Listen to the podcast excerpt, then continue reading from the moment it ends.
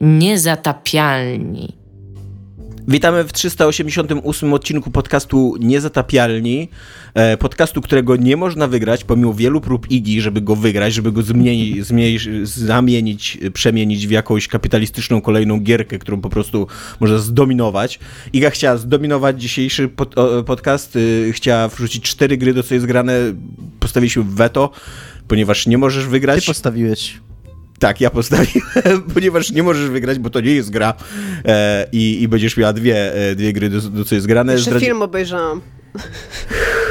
I książkę skończyłam. Jezu, ja, te, ja, też mogę mówić o wszystkim, co, co doświadczam w życiu. Nie? Układałem o, puzzle. Super.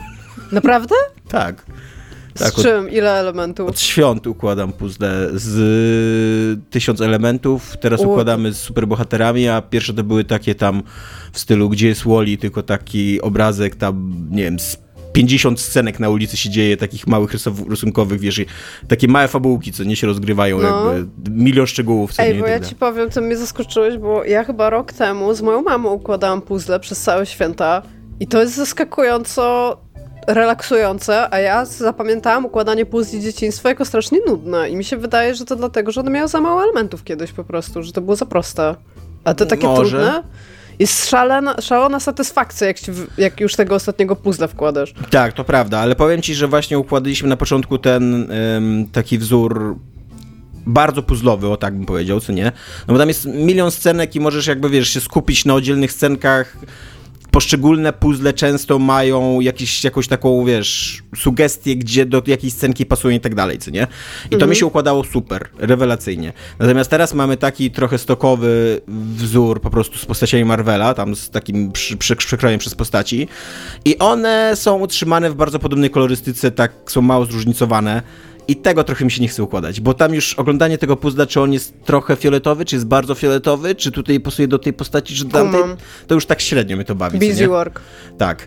W e... ostatnim sezonie Better Call Saul e, jest taki motyw, w którym jedna z głównych bohaterek, Kim, ona się z różnych powodów wyprowadza pod fałszywą tożsamością i prowadzi takie nudne podmiejskie życie i żeby zademonstrować taką nudę i monotonię jego życia, to jest w pewnym momencie pokazane, jak układa puzzle, które są po prostu całe białe. Tam są takie... Biała, tak, że nie masz w ogóle obrazka, tylko po prostu białą I, so, I są w ogóle dla tych takich puzzlowych fanatyków nie dość, że całe białe, to jeszcze są białe z obu stron i nie mają obwódki, tylko są okrągłe.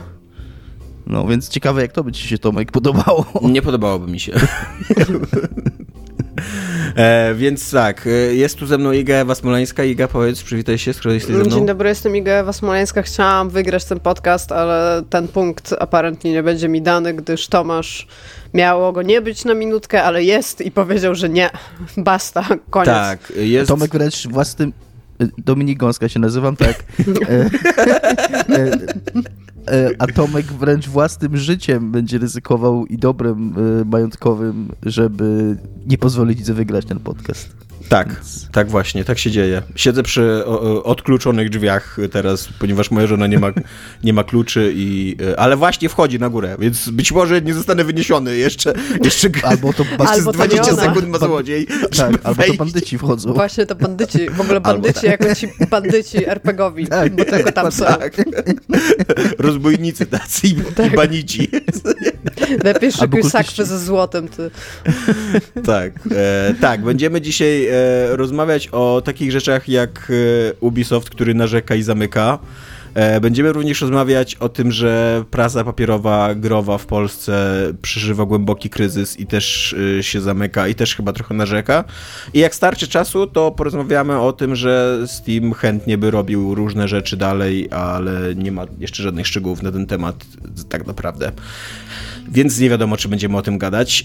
Yy, zaczniemy jednakowoż od tego, że żeście nasi słuchacze drodzy yy, zagłosowali E, I z, będziemy was oceniać teraz. Tak, będziemy was oceniać. Jakby ogólnie zagłosowaliście źle, chciałbym powiedzieć.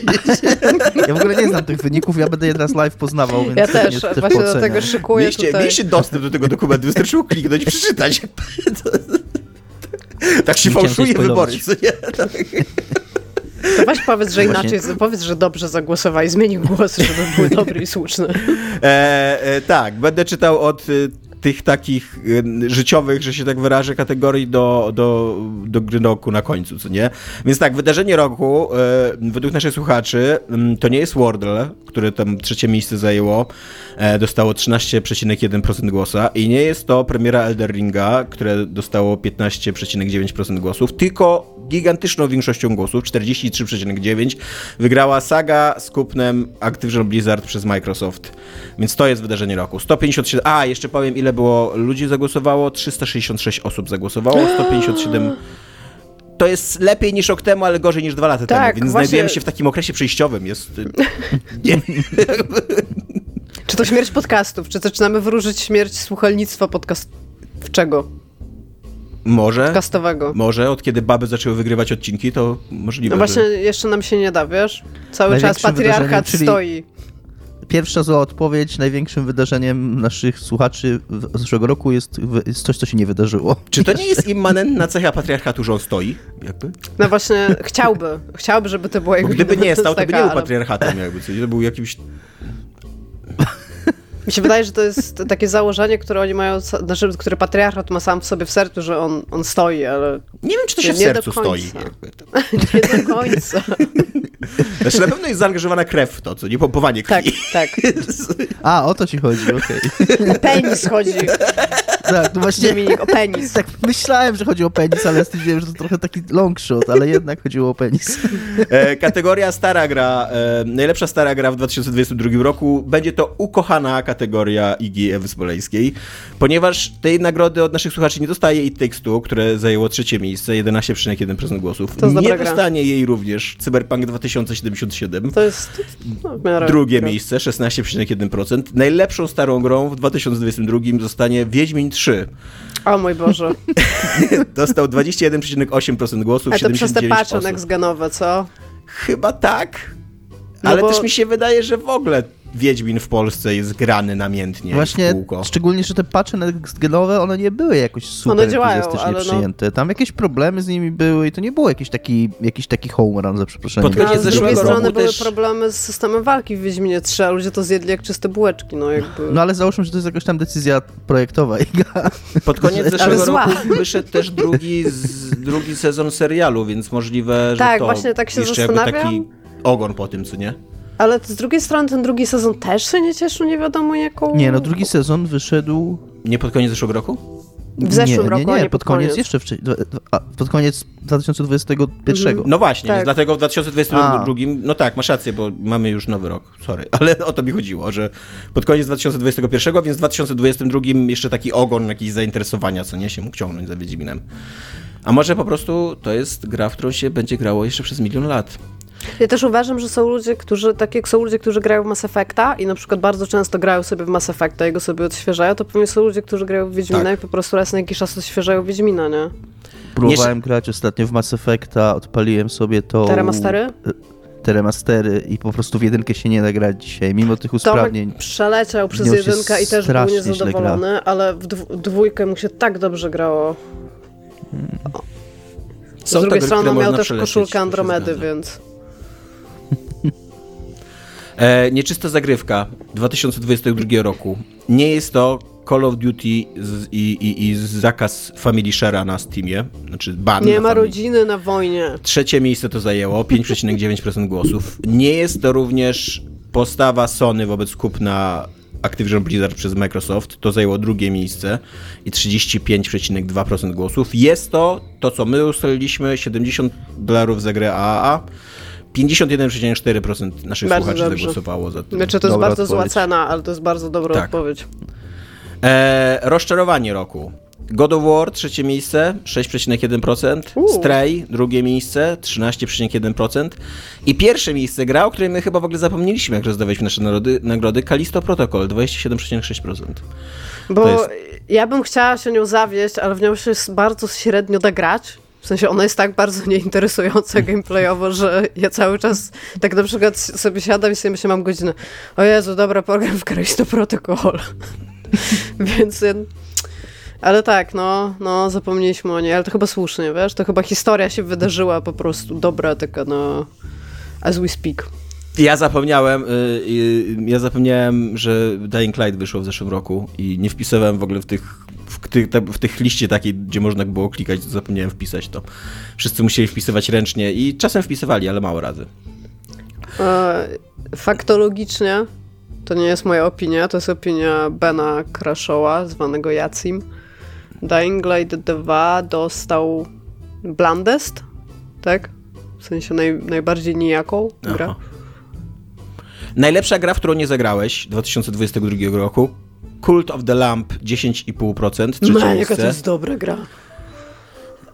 God of War 15,4 e, i Elden Ring 28,4%. E, Najlepsza gra, w którą nie zagrali nasi e, słuchacze to Ja musiałam mieć teraz taki dzwonek i dzwonić shame, shame, ale trochę im zazdroszczę, bo w tym roku mogą pograć. To jest w ogóle, nie, ale to jest tak. w ogóle bardzo dobry wybór, że jak najlepszą grą jest Elden Ring, to najlepszą którą, grą, w której nie zagrałeś też jest Elden Ring, jeżeli w niego nie zagrałeś po prostu. No tak, tak. No. To ma sens, to jest, to jest spójne. to my jesteśmy niespójni, jakby ja nie, ja nie nominowałem na przykład Elden Ringa. No ale ty też y, podczas rozdawania nagród y, powiedziałeś, albo w odcinku później powiedziałeś, że jesteś stuprocentowo pewien, że ta gra by ci nie podeszła, więc... Nie jestem stuprocentowo pewien. Jak, jak wiesz, jak, jak 99,9 procent ludzi mówi, że to jest genialna gra, to no nie jestem. No jakby nie, podesz, nie podszedł mi Demon Souls. To jest jedyna gra Soulsowa, którą na poważnie grałem. jest bardzo inna od Elden Ringa, więc myśl, tak. wydaje mi się, że powinieneś spróbować pograć w Elden Ringa. To mi też się wydaje, że powinieneś spróbować pograć w Elden Ringa. Jest to najlepsza ja... gra 2022, w którą nie zagrałem. Poza tunikiem. Ale my też zawsze, my też zawsze do tej nagrody podchodziliśmy tak, że wybieraliśmy coś takiego, w co wszyscy, cała nasza trójka mhm. nie grała. Więc... Eee, fan roku Trzecie miejsce e, Vampire Survivors 10,5%. Bardzo dobra gra. Drugie miejsce Elden Ring 15,3%. Pierwsze miejsce Cult of the Lamp 18,2%. O Jezu, jaka dobra gra. Co za trzy dobre gry to były pod rząd. Jestem ukontentowana po prostu, jest mi tak e... miło. Najlepsze 7 na 10 roku, które się skończy miło, Iga. To daj mi jeszcze chwileczkę posiedzieć w tym. Najlepsze okay, 7 już. na 10 roku, zdaniem naszych słuchaczy, Cult of the Lamp, trzecie miejsce, 7,7%. Horizon Forbidden West, drugie okay. miejsce, 8,8%. I pierwsze miejsce, 9,7%, więc to była bardzo zajadła konkurencja, bo bardzo niski wynik trzeba było mieć, żeby wygrać. Ledwie 34%, ale najlepszą grą 7 na 10 jest Iga Stray, według naszych słuchaczy. To jest dużo mniej niż 7 na 10. Ja nie wiem, może to Ale dla mnie czekaj. jest... To na pewno nie jest takie 7 na 10, jakie nam chodzi. Takie z tak. pasją 7 na 10, takie intrygujące 7 na 10, co nie? Ale no. mówisz 34% czy 9%? Nie, 9% ludzi głosowało, 34 A. głosy. 34 liczbowo, A, co nie? okej, okej, okej, okej. E, Dominik już matematykę chciał, już tutaj weto matematyczne Nie, no po prostu najpierw to jak powiedział 9, potem 34 i się skołowałem. Już teraz rozumiem. 34 ludzików jakby liczbowo mm. zagłosowało. E, I teraz tak, gra roku, e, trzecie miejsce Cult of the Lamp, e, 6,8%. Nice. Drugie miejsce zaraz się skończy. Drugie miejsce God of War Ragnarok, mm. 10,9%. Też wyszło, też wyszło w zeszłym roku. E, I pierwsze miejsce zdecydowaną większością, 44,4% głosów, to są 163 ludziki, Elden Ring. Bardzo dobrze. Roku. To jest właściwa odpowiedź. No. E, więc tak, to są, to są wyniki waszego głosowania. Wyniki naszego głosowania możecie dwa tygodnie temu posłuchać mogliście, albo możecie sobie Ale teraz co, posłuchać, ponieważ ludzie, którzy one są w internecie. W God of War'a, nie grali w Elden Ringa i po prostu to są ci ludzie, którzy zagłosowali na najlepszą grę, w którą nie grali w tym roku i to był Elden Ring i oni dopiero teraz pograją i Ale będą wiedzieli, że się pomylili. Nie, w najlepszej grze, w którą nie grali, nie, nie grałeś też jest God of War na drugim miejscu, więc to są ci ludzie, którzy zagrali w Elden Ringa, ale nie zagrali w God of War'a? Na Może.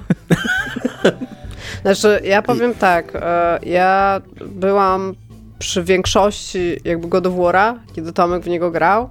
I to jest więcej tego samego, jakby to się zgadza, ale końcówka, ostatnie ostatnia jedna czwarta, ona jest dialogowo bolesna. Mnie bolało pisanie tego. Ja musiałam wychodzić, żeby rozchodzić to, co oni tam gadają i pisanie jak oni do siebie tego? gadają. Tego nie pisałaś, Iga. Pis pisanie, w sensie writing. E, to, w jaki sposób zostało to napisane, po prostu ja nie wiem, czy to trzeba być już tak mocno emocjonalnie związanym z tymi postaciami, ale widziałam, że Tomek też miał cringe na ryju, więc jakby no to jest taka, jak jesteś taki przygotowano taką monumentalną historię, gdzie ludzie będą do siebie mówić rzeczy Przemawiać. ważne cały czas, non-stop, coraz ważniejsze, podkreślać. I ja po prostu jako przedstawiciel cywilizacji śmierci, która odrzuca wszel wszelkich bogów i wszelkie bóstwa i wszelkie, wszelkie istoty nadprzyrodzone, I do tego jeszcze ojcostwo. jesteś pozbawiona moralności i po prostu jak się mówi o ważnych rzeczach, to ty masz cringe na ryju i dlatego jakby to się tak wydarzyło. Jakby winna jest twoja lewacka, kobieca, feministyczna natura i to, że przeciwko stojącemu patriarchatowi protestujesz. Nie, tam chodzi bardziej o takie, wiesz, y, podkreślanie jakiegoś takiego emocjonalnego momentu 500 liniami dialogowymi, zamiast dać mu wybrzmieć po prostu, rozumiesz, przez moment, nie? Takie e, anime ma bardzo coś takiego często. Tak, bardzo, bardzo dużo, tylko że anime to tak podchodzimy, a, bo to anime. No. A tutaj, tutaj traktują cię przez bardzo, bardzo długi czas, bardzo poważnie, jako dorosłego człowieka, po czym są like, mm, trzeba to jeszcze, weź tak jeszcze dokręć, dokręć tą śrubę, a jeszcze dokręć trochę tą śrubę i to się już w pewnym momencie tak, ta, ta, ta skala emocjonalna przechodzi jakby przez to 999 z powrotem na zero i jesteś taki, jakby, więc tak. Dobra, więc to były nasze, e, nasze wyniki y, gry roku. Dziękujemy za głosowanie, Dziękujemy super. bardzo. Dziękujemy za tak. głosowanie. Nie było aż tak źle, jak Tomek No zapowiadał. właśnie, całkiem No nie, no myślałem, myślałem Iga, że bardziej skandalicznie zareagujesz na Streja, że daliśmy, no de facto my dajemy nagrodę Strejowi, my jako nasz... I ma tam jakiś znak jakości niezatapialnej, Znaczy, bo to nasi słuchacze. Ja, ja ci powiem coś, ja ci powiem coś o Stroju. O Stroju jest niestety taka rozmowa, że jak starasz się mówić ludziom o tej grze i mówić, że ona nie jest dobra i chcesz to matematycznie udowodnić, to ci mówią, ale tam jest kotek. A kiedy i starasz się wytłumaczyć, że ty nawet nie grasz tak de facto tym kotem, w sensie grasz nim jako modelem, ale on mógłby być czymkolwiek poza trzema scenami, to, ale nie, nie, nie, bo tam jest kotek. To prawda, ja się zgadzam z tym absolutnie. Więc... Że tam jest kotek, ja też. Nie, ja się zgadzam z tym ja, zarzutem, że Ja to nie grałem, ja też, też nie jestem fanem ale Streja. tak. E, No, dobra, tak. e, ja się teraz nagadałem, Iga, co jest grane u ciebie, lecisz, go. Ja sobie ostatnio pogrywam w różne gry, ale musiałam wybrać dwie, więc dwie gry o... Żeby nie wygrać odcinka. Tak, żeby, żeby być posłuszna i, i podległa. Tatiana Chatowic. A postanowiłam powiedzieć wam o dwóch grach. Jedna się nazywa Not for Broadcast i to jest coś, czym chyba wszyscy we trójkę jesteśmy zainteresowani, Tak. a druga się nazywa Kingdom Two Crowns, o której ja powiem trochę mniej, więc może od niej zacznę. I przede wszystkim chciałam powiedzieć, że to jest gra, którą ja kupiłam przez przypadek, bo chciałam ze znajomym pograć w coś w multi. To jest seria, w ogóle Kingdom Mm, mm, mm, mm, to jest seria tych giereczek, one tam wychodzą już od pewnego czasu i Two Crowns to jest taka odsłona, która ma jakby tryb kooperacyjny, który pozwala mi łączyć się do gry hosta jakby. To nie jest taka, taki stricte multiplayer, tylko to jest ten taki e, jakby join game, nie join game, tylko to się... Na Steamie czasami możesz remote play, o tak to się nazywa, i to robi taki koop, że ja jestem w grze mojego hosta, więc na przykład tam nam się Że ktoś przychodzi psuć. kampanię, a ty mu towarzyszysz po prostu, tak? Trochę tak, trochę tak. Ja, ja na przykład jako osoba, która e, nie jest hostem, nie mam dostępu do części opcji, o czym zaraz będę mówić. I teraz, czym jest Kingdom Two Crowns? I tak jak mówię, to jest e, pierwsza odsłona serii, w którą ja grałam, ale a, autentycznie ona jest chyba jakaś super popularna, bo bardzo dużo ludzi, których się pytam, czy w to grał, mówią, że tak. Ja w życiu o tym nie słyszałam wcześniej. E, To jest gra, która jest pozbawiona interfejsu. Ona ma tak mało interfejsu w ogóle, jak się w nią gra, że to jest aż od, po pierwsze odświeżające, a po drugie przez to całość gry w Kingdom Two Crowns polega na fakcie, żeby odgadnąć, co robią konkretne interakcje i co ci dadzą. Bo tak na, na pierwszym planie masz, to jest gra 2D, która jest pie- w pięknym pixelarcie, po prostu cudnie animowana, fantastyczny klimat, naprawdę super zrobiona rzecz, w, w której ty swoim kolegą jeździcie sobie konno, bo wszyscy, wszystkie inne postaci będą sobie chodzić na nóżkach i wy jesteście królami. Stąd jest to Two Crowns, tak? Że macie te korony na głowach. I teraz Możecie chodzić w prawo lub w lewo, bo to jest jakby tylko tak można chodzić w 2D. A możecie się rozdzielić, możecie chodzić razem i waszym celem jest po pierwsze stworzenie jakby obozu, takiego grodu, e, po drugie upgrade'owanie go, po trzecie wydostanie się z tej wyspy, na której macie ten gród, żeby popłynąć na jakąś inną wyspę. I w, w trakcie tego upgrade'ujecie na każdej wyspie są konkretne budynki albo konkretne eventy, które tam się dzieją i musicie jakby odblokować je, żeby móc lepiej zbudować ten swój fort. Czyli na przykład na drugiej chyba wyspie jest kopalnia, tam powiedzmy e, kamienia, i te, jeżeli up, upgrade'ujecie ją raz na tej drugiej wyspie, to możecie wrócić na pierwszą wyspę na przykład i tą swoją fort zrobić na kamienny dopiero. Bez, możliw- bez tego, jak odblokujecie, to nie jesteście w stanie tego zrobić i siedzicie cały czas w takiej epoce drewnianej. Potem jest to samo z brązem i tam cegłami i tam wszystkim innym, co, co jest wyżej. Więc trochę się pływa po tych wyspach i się ogólnie upgrade'uje rzeczy. I teraz tak. Epoka cegieł to rzeczy... moja ulubiona epoka w historii. Jaka? Cegieł? cegieł. Tak. To się nazywa gotyk cygany. Epoka kamienia była, później epoka brązu, później epoka cegieł. Ja, epoka cegieł. No bo nie wiem jak to nazwać. Tam już jak, potrzeb, jak masz tych takich jakby specjalistów od tam architektów and shit, to już możesz takie rzeczy tam niby robić. I teraz tak. A jako, że wszystko tam trzeba samemu rozkminić, to cała interakcja polega na fakcie, że zdobywa się pieniążki, takie dosłownie złote monetki, ma się taką sakiewkę w prawym górnym rogu ekranu i ich można tam nosić konkretną liczbę, w sensie jak ci się ta sakiewka przepełni i będziesz biegał, to one ci realnie wypadają do wody w świecie gry, więc jakby wolisz tego nie robić, wtedy chodzisz wolno. I w tym, ten, ten świat ma taki tryb, e, system dnia i nocy. I w dzień możesz się rozbudowywać, ludki sobie chodzą, strzelają do królików, za, za królik, jak, masz, jak masz typa z łuki, to strzeli do królika, za królika masz pieniążek, za pieniążek tam możesz kupić tam powiedzmy drugi łuk, chociaż tam chyba za dwie monetki przyjdzie tam inny typasek, albo możesz wynająć wieśniaka, żeby dołączył do tej twojej tam osady. Więc tak naprawdę wszystko, co robisz w obiegu takim normalnym, to są monetki. A monetki dostajesz tam, jak zrobisz farmę, to przyjdzie farmer, jeżeli dasz mu kosę, którą też kupisz za monetki, zasieje tam pszenicę i jak będzie ją kosił, to z tego wypadną monety. Więc taką ekonomię sobie tworzysz, żeby cały czas te monety do ciebie przychodziły. I rozbudowujesz sobie ten gród.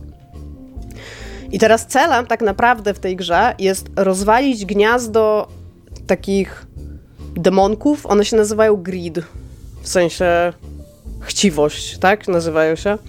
I twoim celem jest na każdej wyspie rozwalić gniazdo tego. Tylko, że żeby to zrobić, musisz upgrade'ować cały ten swój gród do momentu, żebyś mógł wysyłać takie ekspedycje militarne, stworzyć bombę, katapulty i takie wszystkie inne rzeczy. Więc tak naprawdę musisz przejść jakby całość e, rozwoju tej, tego swojego grodu, by móc zacząć to robić. To, w jaki sposób się w to gra, w sensie jak sobie siedzisz z tym ziomeczkiem i rozkminiacie wszystko po kolei, że jak tutaj dasz monetkę, to coś się dzieje, albo jak znajdziesz gdzieś na tę wyspę taką walutę specjalną, diament, to możesz właśnie robić takie troszeczkę lepsze rzeczy.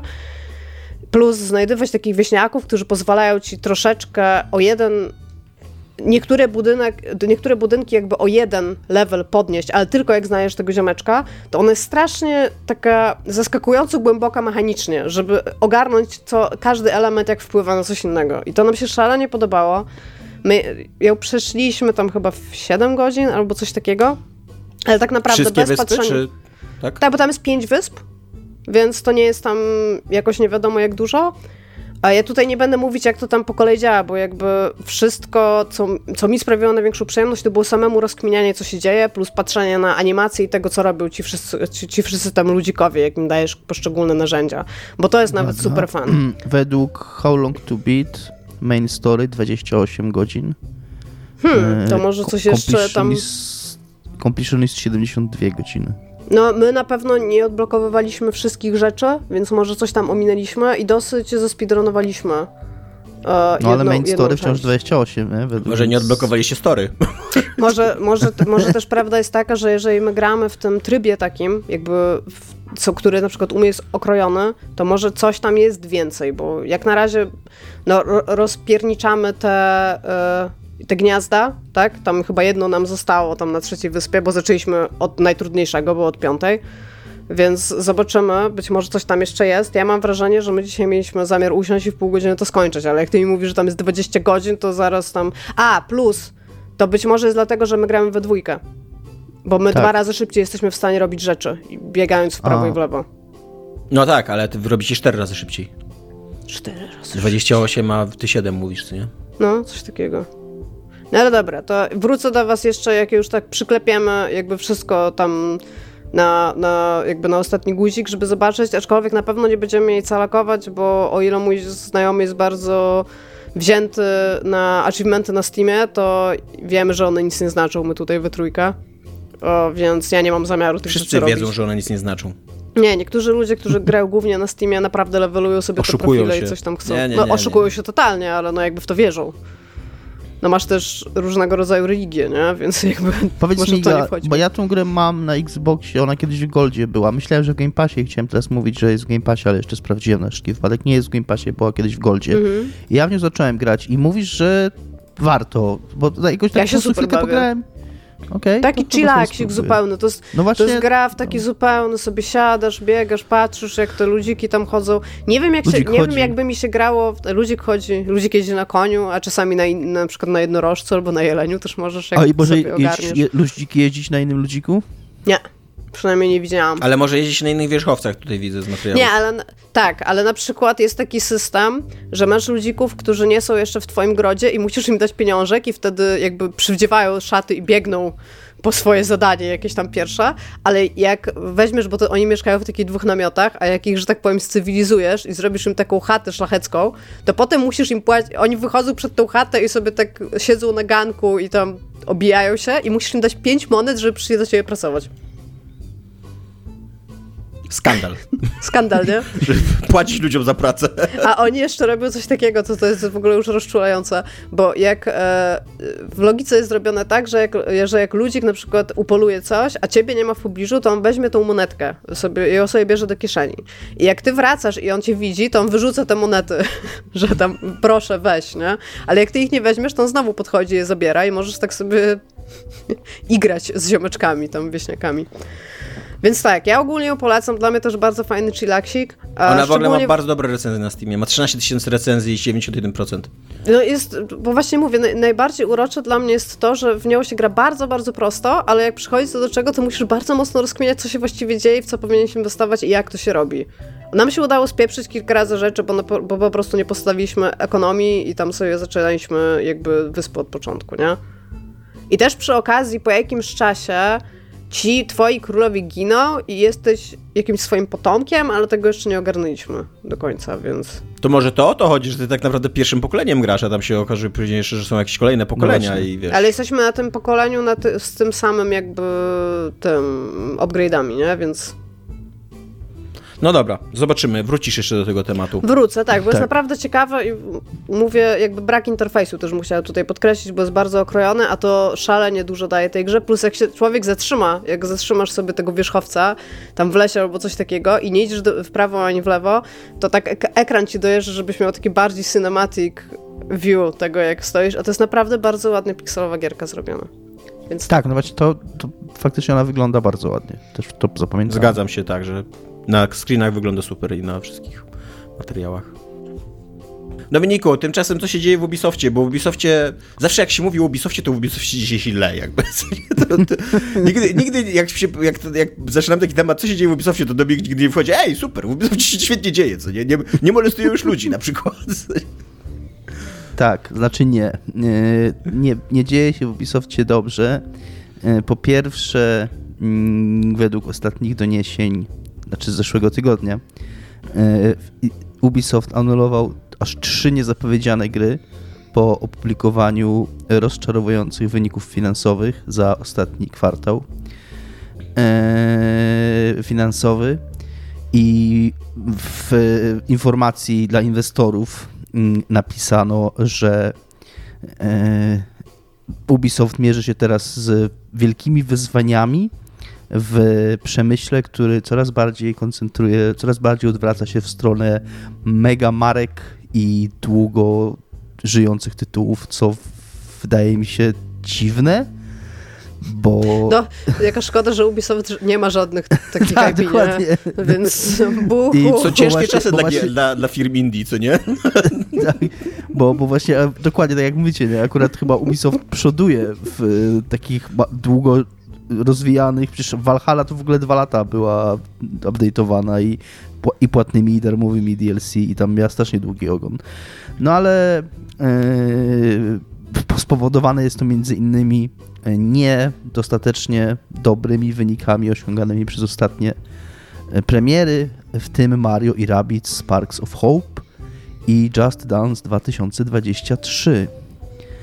E, więc firma z w wyniku, znaczy z powodu tych gorszych wyników tychże gier postanowiła być teraz bardziej ostrożna, jeszcze bardziej ostrożna najwyraźniej, bo dotychczas Ubisoft był pełen takich zwariowanych, szalonych, e, ryzykownych pomysłów i projektów. Chociaż no, muszę, jakby na, nawet mówiliśmy o tym na antenie, że sam pomysł na Mario Rabbids jest szalony i ryzykowny. No, tak, tak, to akurat prawda, to akurat prawda. Szkoda, że ta druga gra nie jest po prostu lepsza, moim zdaniem. Tak. E, I przy okazji dowiedzieliśmy się również, że mm, Skull Bones, gra zapowiedziana w 2017 roku i podobno powstająca już od 2013 roku, została znowu opóźniona i nie ukaże się mm, e, w tym roku, czy, czy może ukaże się w tym roku, ale e, miała być, ostatnio była przesunięta na marzec 2023, a teraz przesunięto ją jeszcze dalej i ma się ukazać w roku finansowym 2023-2024, ale early, czyli wcześnie, czyli jak pewnie no, po marcu, czyli, ale... Czyli za rok. Mm, tak, znaczy nie wiem, czy za rok właśnie, bo nie, ja nie do końca wiem, co to jest rok fiskalny 2023-2024. On się kończy w marcu. W marcu 2024. Tak nie, wydaje, te, teraz się kończy 2022, jakby 2023 się kończy Tak, rok. czyli za rok będzie w początku, czyli pierwsze jakieś tam kwartały 2023 na 2024 to będzie marzec, kwiecień 2024. Aha, okay. Macie rację, czyli okej, okay, no tak, macie rację, czyli najwcześniej za ponad rok. Yy, więc y, nasze Jak przewidywanie tak, tak, w przewidywaniach, jak zadawałem pytanie, czy Skull and Bones wyjdzie, to się nie spodziewałem, że tak szybko będzie odpowiedź. tak, ale też y, chyba oboje powiedzieliśmy, że nie. Y, I wszyscy chyba powiedzieliśmy, że nie. Ja w ogóle więc... tak szczerze, ja się dziwię, w sensie oni naprawdę muszą z tym wiązać jakieś duże mm, nadzieje, że jeszcze tego nie skancelowali. No, ciekawe Bo... jest była w ogóle, tak, że tak powiem, ze szczytu waszej głowy, jak to się mówi po polsku, była jakaś gra, która była tak non-stop e, opóźniana i opóźniana i opóźniana i wyszła i centralnie to było coś spoko? GTA 5? Znaczy Wiedźmin 3. GTA 5 nie, nie był opóźniany długo? No ale nie aż tak. To jest taki już, to już jest prawie taki kasus, kurna, Duke Nukem Forever się z tego no. robi. Yy, bo to już dekada minie, nie? Od, od tak naprawdę. Od, I yy, wiesz, jak oni by na przykład non-stop o tym milczeli, to spoko, ale oni to non-stop przesuwają, więc widać, że to nie jest tak, że tam coś się zafrizowało, tylko są ludzie, którzy są odpowiedzialni za to, żeby mówić o tym, że to nie wyjdzie i że to będzie miało inną datę, nie? To nie jest tak, że powiemy, jak będziemy gotowi, tylko przewidujemy, że to będzie tam za rok. Wydaje mi się, jakby w każdym zarządzaniu projektów bardzo ważne jest to takie ocenianie inwestycji, co nie?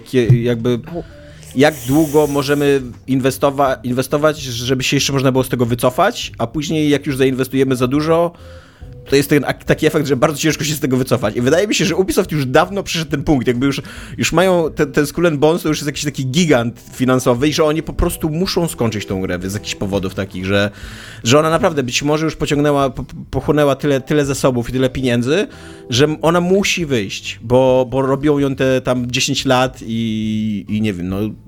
Tak, ona... ale z drugiej strony... Ja tak, ja z drugiej strony, krótko tylko powiem, mnie zastanawia, co oni przy niej robią 10 lat, bo to jest taka gra, która już się wyda ona wydawała się już w momencie zapowiedzi, zapowiedzi tak naprawdę gotowa.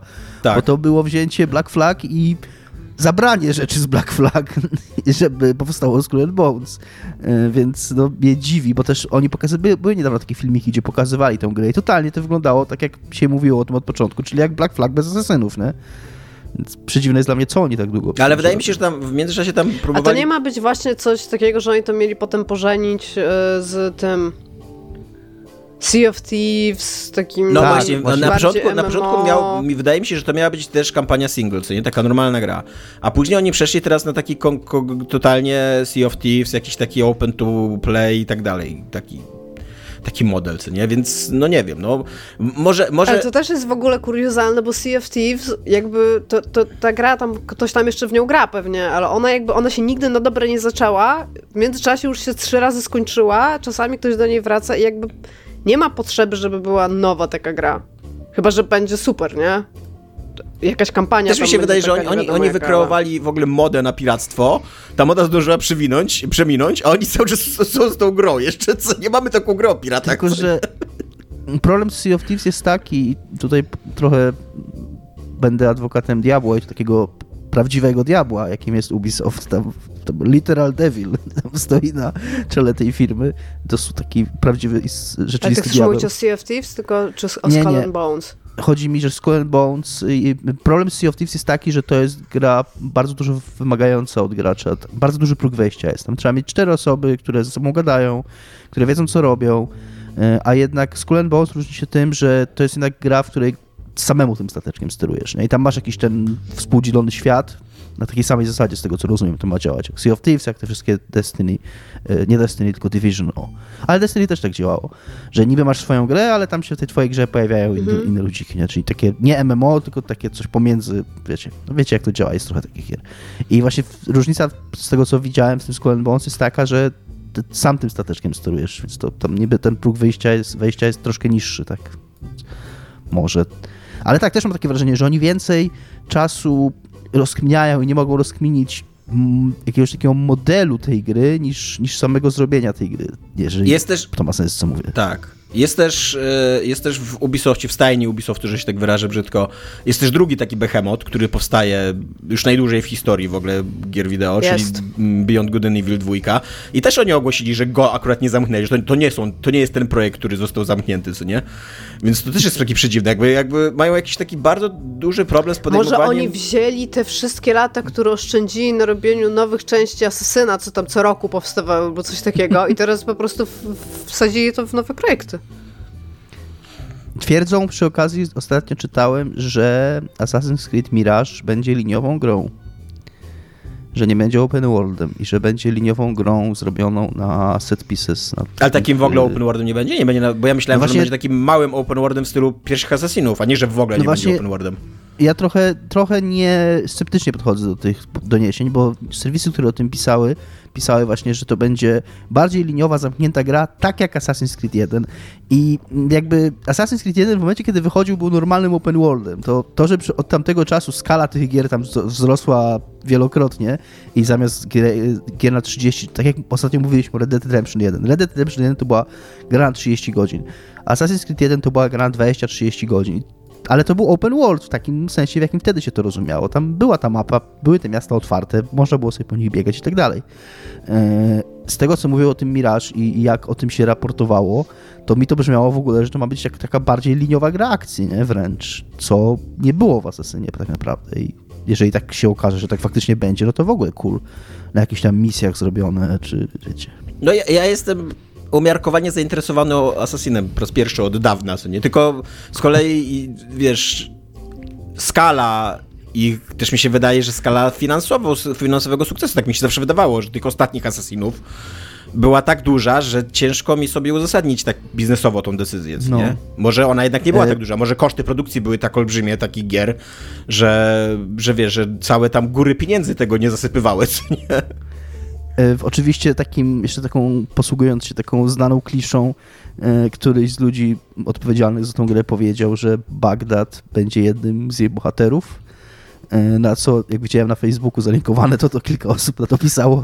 To, co za idiota z tego człowieka, który napisał newsa. Bagdad to nie bohater, Bagdad to miasto. E, ale jest jeszcze, jest jeszcze ciekawy plot twist w tej historii, e, że szatan stojący na, e, na, na czele Ubisoftu również wystosował w związku z tymi tam znaczy, tymi doniesieniami o, o spadku cen akcji i o tym, że kiepska sytuacja jest i tak dalej, wystosował maila do załogi i powiedział Tak, w tym mailu, że Zaraz powiesz, co napisał, ja tylko chcę powiedzieć, A. jak on się nazywa, bo przed odcinkiem... no szatan, E, przed odcinkiem sprawdzałem parę razy, żeby tym razem no Tym razem poprawnie wymówić, żeby poprawnie wymówić jego imię i nazwisko, bo te francuskie nazwiska są triki i mi się wydaje, że się je wymawia jakoś, a tak naprawdę się je wymawia inaczej. I wymawia się go Yves GMO.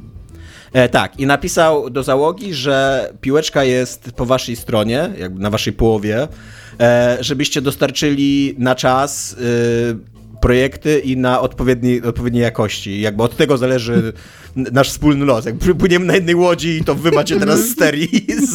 Ja mam, ja tak naprawdę nie mam na nic wpływu, tylko dostaję tam 10 milionów co miesiąc na konto. Nie, może, nie, nie, nie jestem za nic odpowiedzialny. Tak, tak. Więc tak. E, jest jeszcze, jedna, jest jeszcze jeden ciekawy wątek w całej tej historii. E, Jeff Grubb e, z Giant Bomb napisał na Twitterze, że według jego wiedzy Ubisoft od jakiegoś czasu rozmawia z różnymi firmami, tak próbuje się sprzedać po prostu.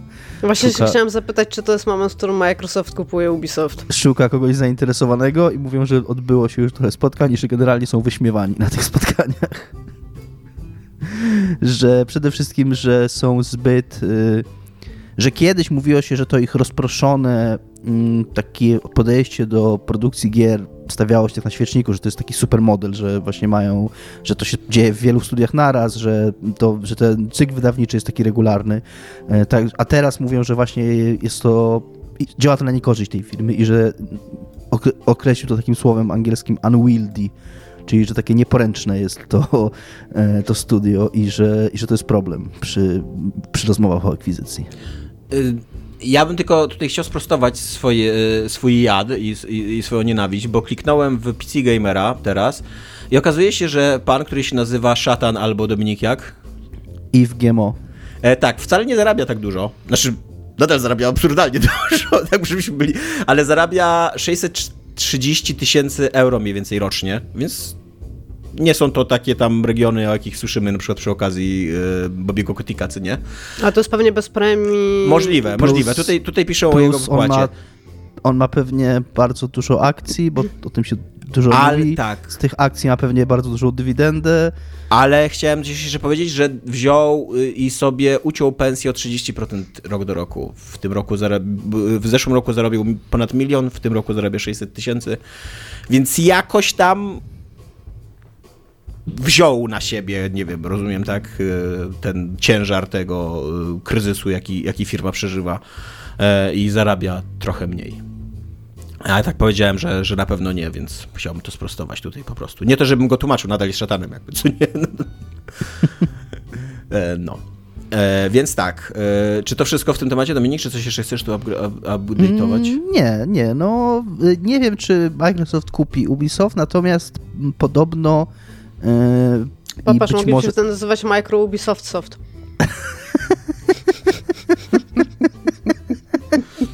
Albo po prostu soft soft.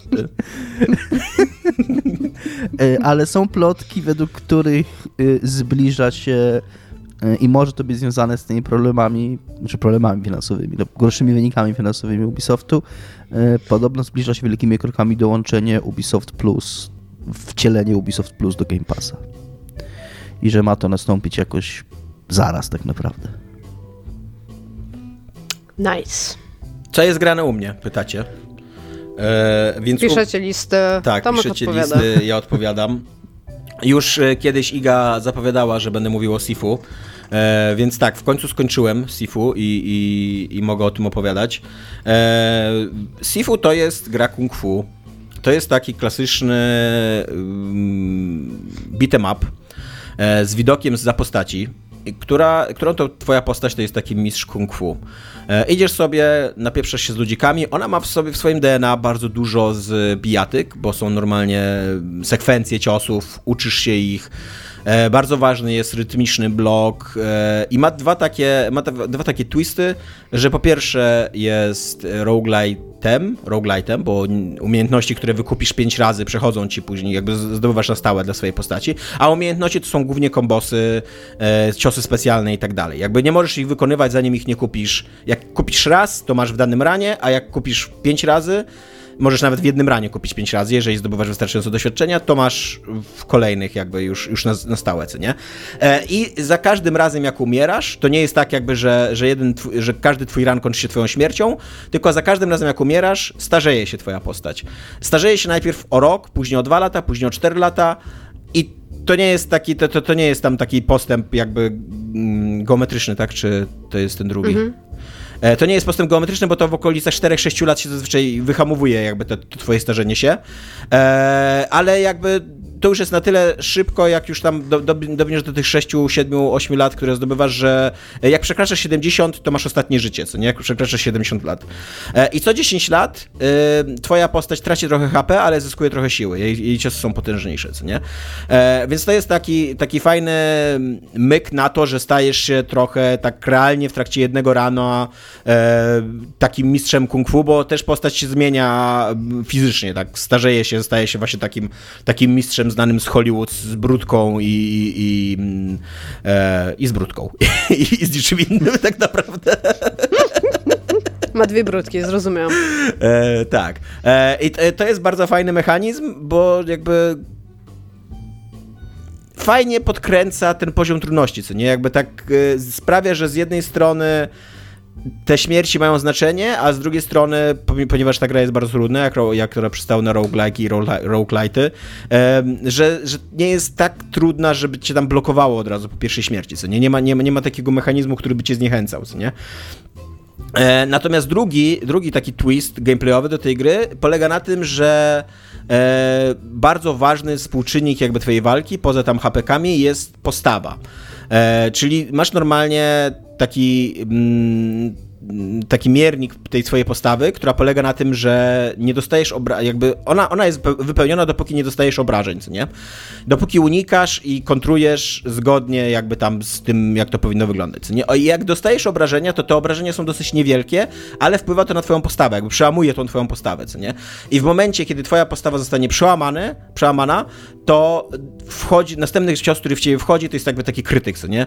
E, I on zazwyczaj jest bardzo bolesny, co nie? I oczywiście im gorzej ci idzie parowanie i unikanie, tym częściej twoja postawa jest yy, przełamywana to i tym szybciej umierasz. Sekiro. Słucham? Tak, bardzo możliwe, tak. Mhm. Bardzo możliwe, bo widziałem też te porównania do Sekiro i, i bardzo możliwe, że to jest podobny system. E, gra jest bardzo nastawiona na grę z brońmi, bo y, są one dużo, dużo potężniejsze niż pięści, więc jak tylko znajdujesz jakąś butelkę, kij, y, łom, y, później jakieś maczety i tak dalej, to opłaca się je brać. Co trochę się kłóci z tymi kombosami, bo y, do broni są bardzo ograniczone kombosy. E, I ogólnie jest to bardzo fajna napieprzanka, taka naprawdę, naprawdę spoko. Fabularnie to wygląda tak, że ty jesteś świadkiem, w dzieciństwie jesteś świadkiem śmierci swojego ojca, właśnie takiego mistrza kung fu, co nie? Tak, tak. To... Oczywiście, że tak. Czy to się dzieje w jego dojo? Tak, to się dzieje w jego dojo. To jest totalnie Czy tak. mu wioskę to, jest totalnie taki stereotypowy film kung fu, co nie, jakby opowiedziany, ale mhm. stylistycznie bardzo ładnie, wiesz, z, wiedzą jakby w jakim gatunku e, się poruszają, tam też, wiesz, te kolejne e, kolejne plansze. Czekaj, dojo to chyba karate, co? Dobra, nie nieważne, przepraszam. E, no. Kolejne, e, kolejne mm, biomy, co nie, to są, e, to jest na przykład dyskoteka, więc też jakby wiedzą o co chodzi, co nie, A Albo... jest ta fabryka? Jest fabryka, tak, są takie lofty jakby Ulica? stare, co nie, e, jest muzeum, sztuki współczesnej. To jest bardzo fajny w ogóle biom, bardzo ładnie wygląda i bardzo, bardzo ładna estetycznie jest końcowa walka tam. E, jest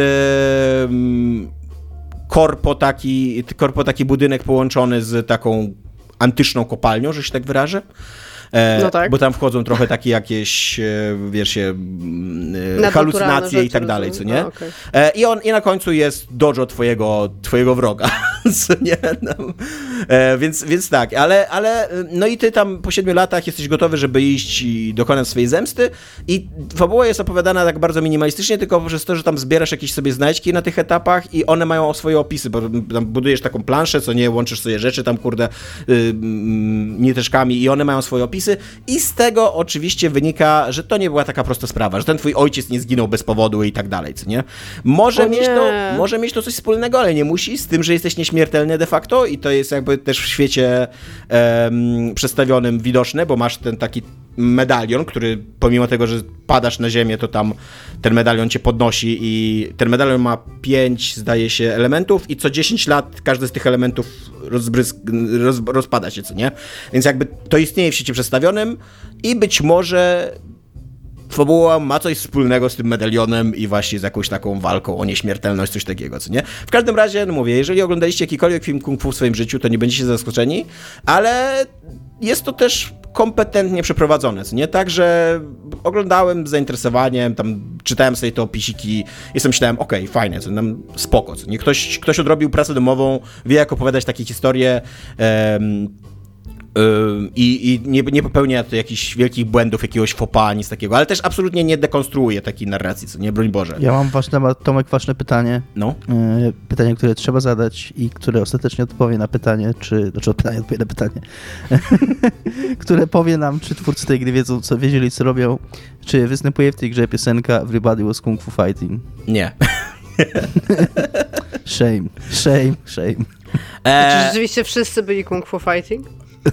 Znaczy tam w ogóle, tam w ogóle Everybody Kung Fu Fighting, co nie? Jakby w tej grze totalnie.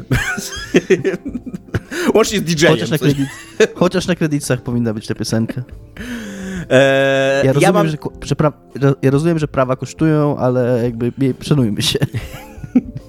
Ja mam z tą grą taki problem, że jestem za słaby w bijatyki, a mówię, tam DNA tej gry to jest raczej bijatyka, raczej, raczej taka, taki mortalowy, tekenowo, virtua fighterowy, co nie styl e, grania. Ja jestem strasznie słaby w tej gry i bardzo, o ile uniki opanowałem dosyć szybko i łatwo je robiłem i dobrze je robiłem i potrafiłem je robić, tak kontry znaczy parowanie, no i, i, które otwierało mi pole do kontr, nie nauczyłem się robić do końca gry. Nie wiem, czy to ja nie potrafię w rytm kliknąć, czy tam jest za krótka po prostu mm, przer- znaczy taka, takie miejsce, żeby kliknąć, czy nie do końca łapię po prostu, kiedy klikasz w te, w te kontry. Możliwe, że jestem po prostu za słaby. E, I jako, że jestem dorosłym człowiekiem, to, to bez, bez upokorzenia po prostu obniżyłem sobie poziom trudności do easy, e, który był dla mnie ok, jeżeli chodzi o takie... To jest nie dla dzieci. Jeżeli jesteście niepełnoletni, nie tak. możecie grać na easy. To jest tylko dla dorosłych. E, Dziękuję. I ten poziom trudności easy był dla mnie ok. Tak właśnie miałem totalnie Czasem miałem trudniejsze walki, zdarzało mi się czasem umrzeć, ale jednocześnie realizowałem tą swoją fantazję mistrza kung fu, nie? Eee, tylko Problem z tym Easy jest taki, że on też ogranicza te śmierci, ten cały, cały ten, tą mechanikę właśnie starzenia się, do tego, że za każdym razem starzejesz się o jeden rok. Nie, że jakby, że nie, nie rośnie ten, ta, ta szybkość starzenia się, co nie? Co niestety prowadzi do tego, że jest praktycznie niemożliwe przegrać takiego rana, bo tam masz, kurde, 50 podejść do, do niego, co nie? I jak masz problem z bossem, to ja, ja bym nawet chciał przegrać z tym bossem i chciałbym spróbować jeszcze raz, jakby już, już ogarnąłem swój poziom trudności, już ogarnąłem swój poziom zabawy i nie mam pretensji do gry, że ona mnie zabije, ukaże za to, że jestem za słaby, bo nadal jakoś tam te moje umiejętności rozwijają i nadal tam jakoś jestem lepszy, zdobywam nowe tam yy, ciosy i tak dalej, jakoś rozwijam. Ale jako, że mam 50 śmierci, to na takim bosie kinę 10 razy i literalnie po każdej śmierci po prostu dotykam go palcem i on po tych 10 dotknięciach palcem pada trupem, co nie? Więc zero zabawy, więc y, mam taki, mam taki problem, że po prostu jest źle zaprojektowany moim zdaniem ten tryb easy e, i, i mi trochę zepsuło zabawę, co nie? Jakby super się bawiłem, uważam, że to jest super gra i, i, i bardzo ciekawa.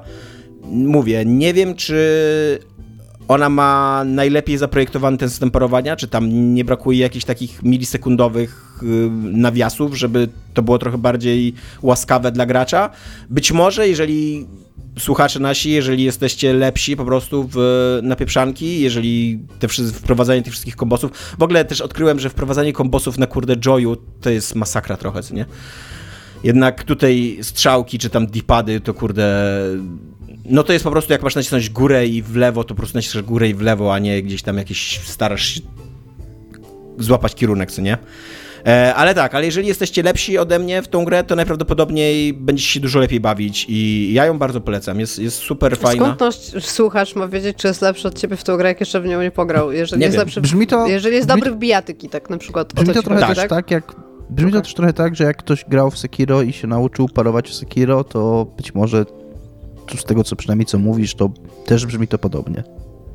Możliwe ja się w Sekiro bardzo. nauczyłem, e, kiedy zrozumiałem to, co Iga zawsze mówiła i z czego się śmiałem, że Sekiro to jest gra rytmiczna i dopiero kiedy zrozumiałem no w jakim sensie, że, że faktycznie jest, że, że tam każdy przeciwnik ma swój rytm tych ataków i jakby to nie chodzi o to, że ty masz reagować na jego atak, tylko nauczyć się tego rytmu i po prostu wybijasz pewien konkretny rytm e, jego ataków i wtedy je blokujesz. Nie?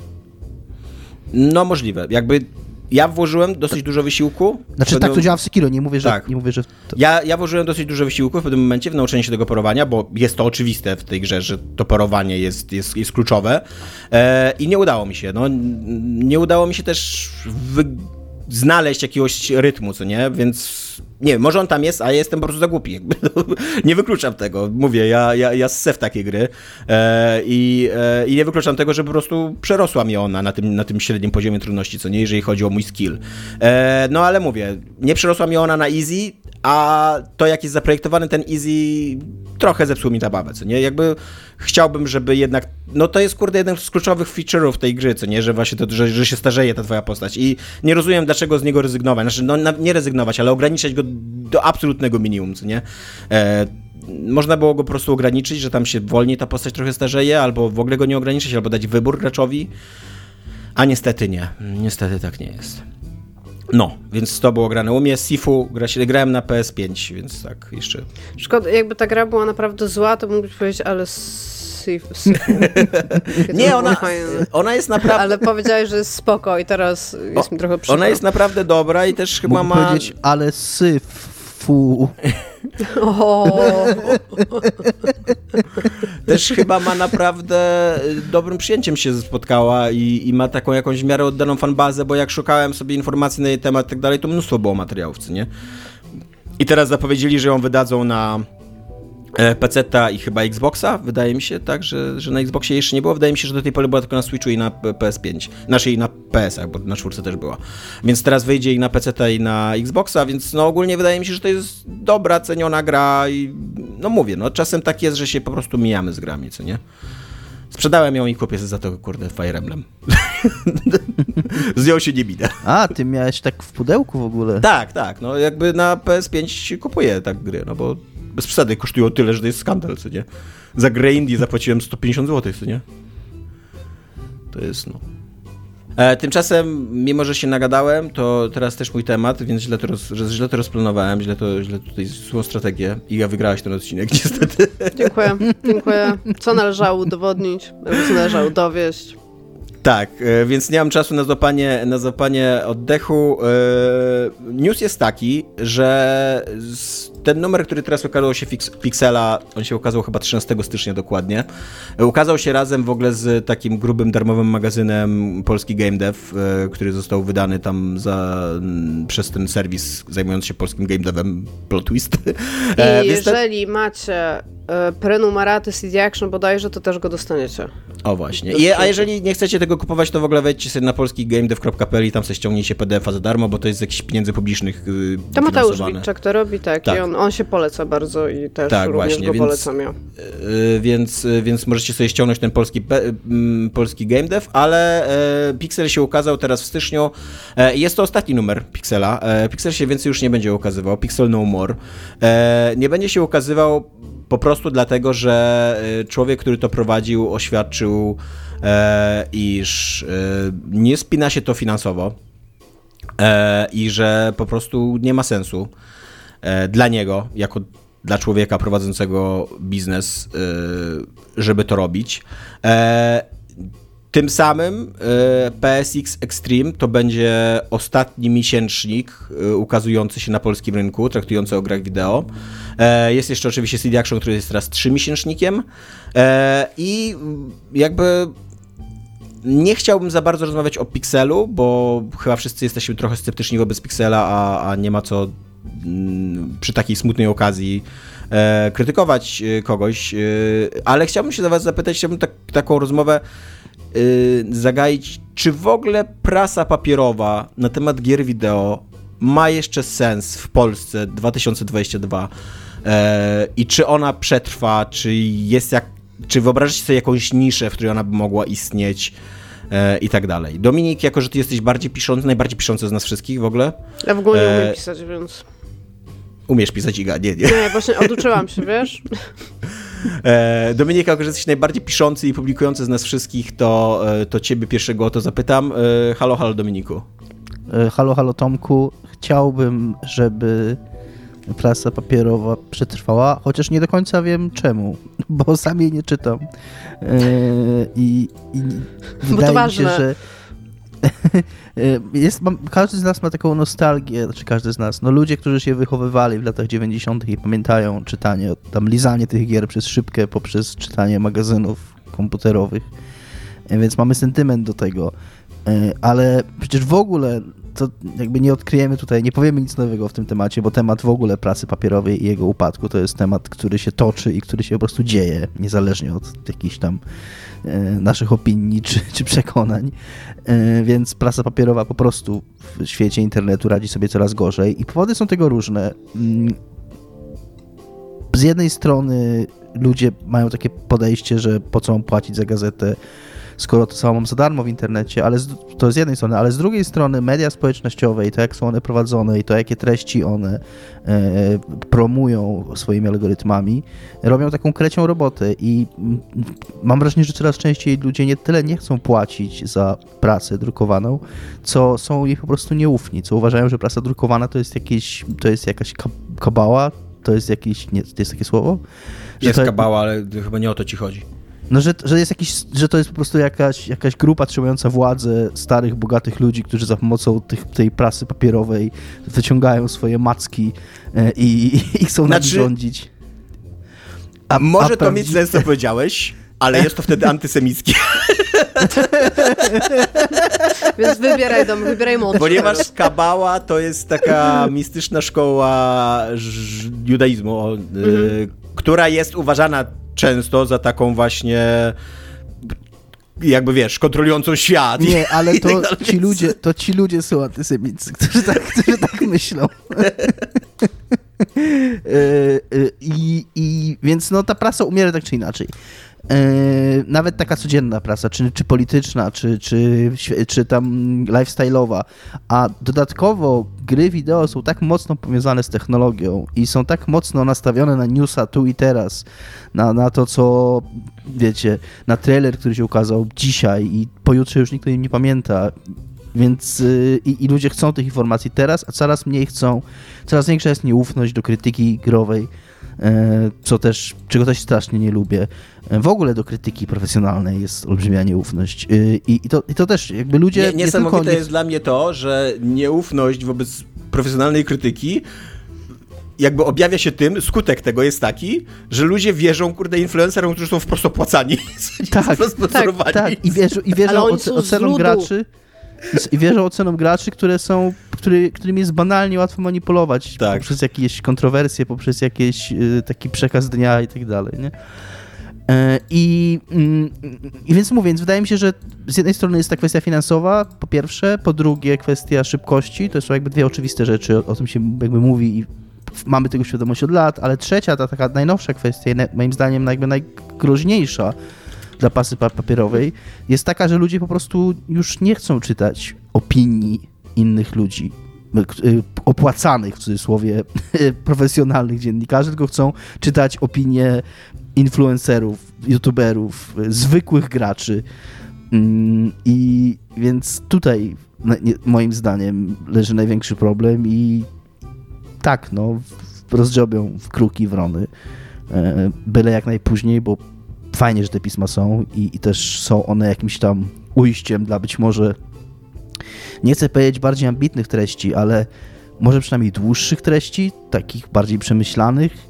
Yy, chciałbym, chciałoby się tak uważać przynajmniej. Ja też nie, nie czytam regularnie, tak jak mówiłem, więc tak naprawdę nie wiem.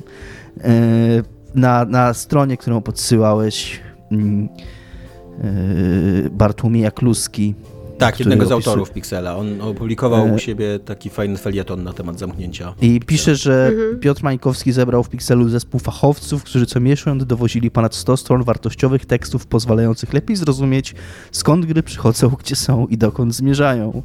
E, Quo vadis homo ludens. Ja nie wiem, czy tak było. nie będę...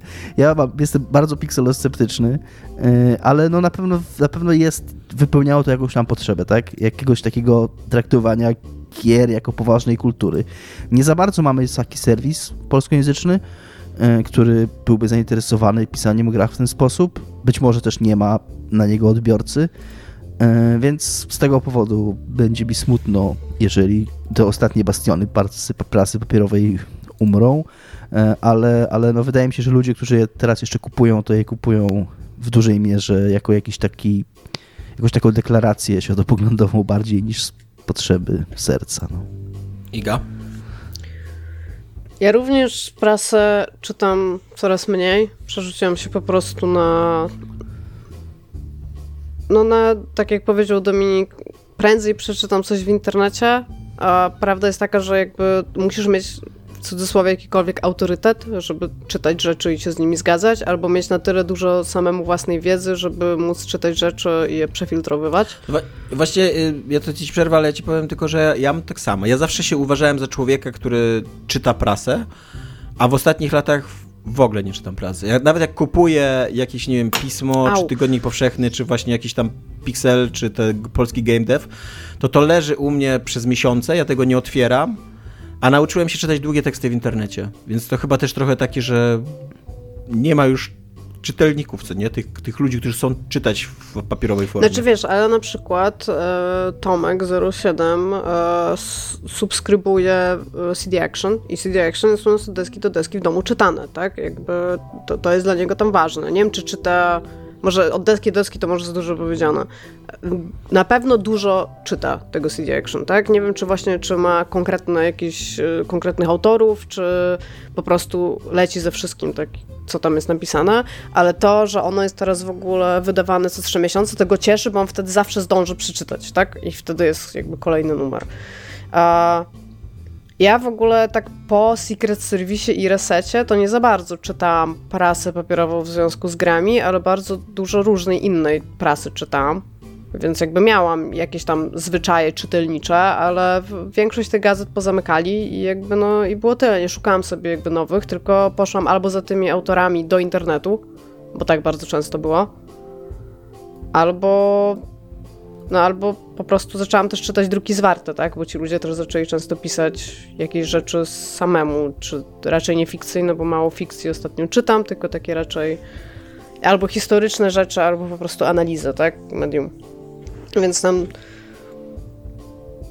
nie, tak jak powiedziałeś, nie chcę tutaj mówić brzydkich rzeczy na temat Pixela, bo wydaje mi się, że wystarczająco dużo się wypowiadaliśmy, żeby ludzie znali jakby nasze zdanie na temat tej gazety.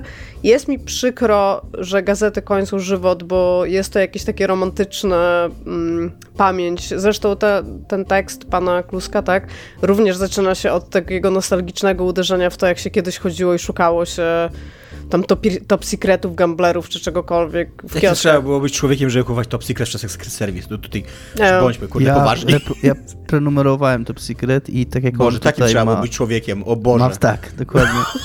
e, taki, mam takie wspomnienie, jak on, że szukał tego ostatniego numeru top secreta, no to do mnie nie przyszło, nie przyszło, miałem prenumeraty i nie przyszedł do mnie pocztą ten numer. Też Jestem teraz Barneyem z High Metro Mother. Friendship over! E, nie wiem, ja byłem Team Top Secret zawsze. No ale wiesz, chodzi mi po prostu o to, że wtedy, wtedy realnie nie miałeś żadnej alternatywy. Mogłeś czytać to albo nie czytać. Nie, właśnie wtedy było mnóstwo alternatywy. Wtedy był, kurde, jakiś top secret, Nie, ale mówię, że mogłeś y- czytać gazety albo Aha. nic nie wiedzieć. Jakby, A, no, tak. no co, miałeś oglądać Hypera? I no jakby co, no ale Hyper to już później, ja Top Secret tak, to ja właśnie... czytałem w takich wczesnych latach 90. Taki, no ale wiecie, chodzi mi po prostu o to, że, 94. Że wtedy to miało sens, tak jak teraz tam ma sens, jak się tam rozmawia z ludźmi, którzy czytają newsy giereczkowe, to ktoś będzie ci czytał Eurogamera, ktoś ci będzie czytał Kotaku, a ktoś będzie czytał Rock Paper Shotgun głównie, tak? I jakby będą mieć trzy no. newsy z trzech różnych źródeł i będą w stanie o tym dyskutować, ale będą w stanie też pójść jakby do źródła tego i poszukać, tak? I tam e, zobaczyć, czy Video Games 24.7 to miało i czy Games radar być może to też tam nie wiem, prze, przedrukowywał, tak? I jakby to jest, to jest ewolucja tego bardziej niż uśmiercanie czegoś. I nie wiem, czy pamiętacie, był taki magazyn, chyba tylko dwa numery się ukazały, Lag się nazywał. Tak. I on był bardzo ładnie wydany. I na przykład, jak ja bym miała kupować e, jakieś teksty, na przykład analityczne, a nie jakieś stricte recenzje, tylko jakieś takie historie, jakieś serii, takie dłuż, dłuższe teksty, tak? Takie powiedzmy, jak to się nazywa, tam powiedzmy takie wysokie obcasy, tylko growe, tak? Jakieś, nie wiem, opisy e, społeczności związane, tam zawiązanych dookoła czegoś albo coś. I to by było na przykład ładnie wydane i w ładnym formacie i by nawet nie musiało wychodzić co miesiąc, mogłoby wychodzić co dwa miesiące, ale powiedzmy, że co miesiąc, ale w takiej formie, że jestem w stanie usiąść to przeczytać. W sensie tak, na przykład pięć dłuższych tekstów albo dziesięć takich połowicznych, tak? I przy okazji to jest ładnie wydane i ktoś naprawdę usiadł i że to nie ma tego formatu, e, to jest A4, tak? Tylko taki bardziej A5, że ja to mogę sobie ze sobą wszędzie zebrać. B5. Czy tam B5, o tak. To wtedy by mi się pewnie to lepiej też czytało. I ten lag pamiętam, że ja im nawet kibicowałam. Tam te teksty nie były porywające, ale to dopiero startowało i to było coś nowego. I jakby i oni byli tacy trochę od sasa do lasa, bo tam były i felietony takie mm, lifestyle'owe, i tam była jakaś recenzja, i był jakiś, kurde, coś mi się z wierszem kojarzy, i był jakiś komiks, taki jakby w, w takim stylu, nie? Być, być może coś takiego. Ja mam... E... Znaczy, tak, ja, ja, jestem bardzo sceptyczny wobec tego pomysłu, o którym ty mówisz, bo... To wiesz co, to nie musisz inwestować, Tomek, wiesz? Jakby... Nie, ale właśnie, ale właśnie inwestycja jest tutaj słowem kluczem, bo za dobre teksty analityczne trzeba dobrze płacić. Nie pamiętam czasów, przynajmniej już za naszego pisania o grach, kiedy się dobrze płaciło za pisanie o kulturze, co nie? I to nie tylko o kulturze, o komiksach, o literaturze tak samo, co nie? To są, to są sprekaryzowane zawody, w których są fatalne, uwłaczające, poniżające stawki czasami, co nie? E, I jak się jakby... To zresztą moim zdaniem trochę wychodziło w Pixelu, bo te teksty były pisane za tyle, za ile było płacone moim zdaniem. One były... Mm, jest w ogóle, w ogóle prasa growa i w ogóle pisarstwo growe bardzo często jest bardzo powierzchowne i takie bardzo po łebkach i... Um, i, i, I, no jakby nie ma się co dziwić, bo to, są, to, jest, to jest po prostu takie pieniądze i, i, i, jakby też chyba trochę taki czytelnik, tak mi się wydaje, nie? Natomiast ja też kiedyś, jeszcze właśnie za, czasach, za czasów Laga, e, fantazjowałem trochę o jakimś takim e, publicystycznym magazynie o kulturze gier wideo, e, i, ale nie wydaje mi się, żeby to było realne finansowo. Nie wydaje mi się, żeby był, była nisza ludzi zainteresowanych, żeby kupować ten magazyn w takim nakładzie, albo żeby reklamodawców było tak dużo i takich potężnych, żeby ludziom płacić uczciwe, dobre stawki za napisanie, wiesz, mhm. głębokiego, czterostronicowego tekstu analitycznego o czymś tam, co nie? Nie przez przypadek. E, jest bardzo duże skupienie na retro, zwłaszcza w polskim pisaniu o grach, bo to jest bardzo proste i bardzo tanie i każdy może z pamięci coś napisać yy, i, każdy jakby łatwo tam sentymenty do tego wrzucić i tak dalej. Jakby napisanie takiej prawdziwej publicystyki, takiej porządnej w stylu, pamiętam jak Simon, nie pamiętam jego nazwiska, ale pamiętam jak w Eurogamerze kiedyś opublikowano artykuł na temat tego, jak przemysł, znaczy jak konkretny producent tej snajperki wielkiej, Berety, E, jest zaangażowany, jak, jak korzysta z tego, że ta jego broń się pojawia w Call of Duty, co nie? E, I, e, I no, żeby napisać taki tekst, to trzeba mieć, kurde, to trzeba wyjąć dwa tygodnie ze swojego życia no i tak, ktoś musi ci zapłacić stawkę, żeby cię było stać, żeby wyjąć dwa tygodnie z twojego życia, co nie? Żeby, żebyś mógł żyć, przeżyć przez te dwa tygodnie, co nie po prostu. A nie, kurde, 200 zł, jak się płaci w Polsce, co nie? Za długie teksty, za, za publicystykę grową, co nie? Ambitniejszą. E, więc, więc absolutnie w to nie wierzę, co nie? I, I tutaj się zgadzam oczywiście ze wszystkim, co wy mówicie i, i tak ta, te, to ciśnienie jakby takie internetowe jest kluczowe na pewno, ale też no właśnie to, że mi się wydaje, że po prostu czytelnik się zmienił i do... No ja kiedyś nie potrafiłem czytać publicystyki w... Um, internecie, długich tekstów, co nie, takich powyżej 10 tysięcy znaków. A teraz już nie mam z tym absolutnie żadnego problemu, co nie. E, teraz no z kolei gazety mi tam głównie w toalecie służą i z kolei no, rzadko kiedy mam taką długą potrzebę, żeby posiedzieć, przeczytać 15 tysięcy znaków w jej trakcie, co nie? E, a tak, żeby usiąść, nie wiem, w niedzielę przy kawce i poczytać gazetę, nie wiem, Tomek tak czyta, Iga? Tak, tak właśnie oldschoolowo? Nie, tak, tam zapala fajkę jeszcze? Czyta w kiblu. Mamy normalnie newspaper Rak w kiblu, tam są wszystkie najważniejsze tytuły w tym domu, czyli CD Action, Taternik, W góry.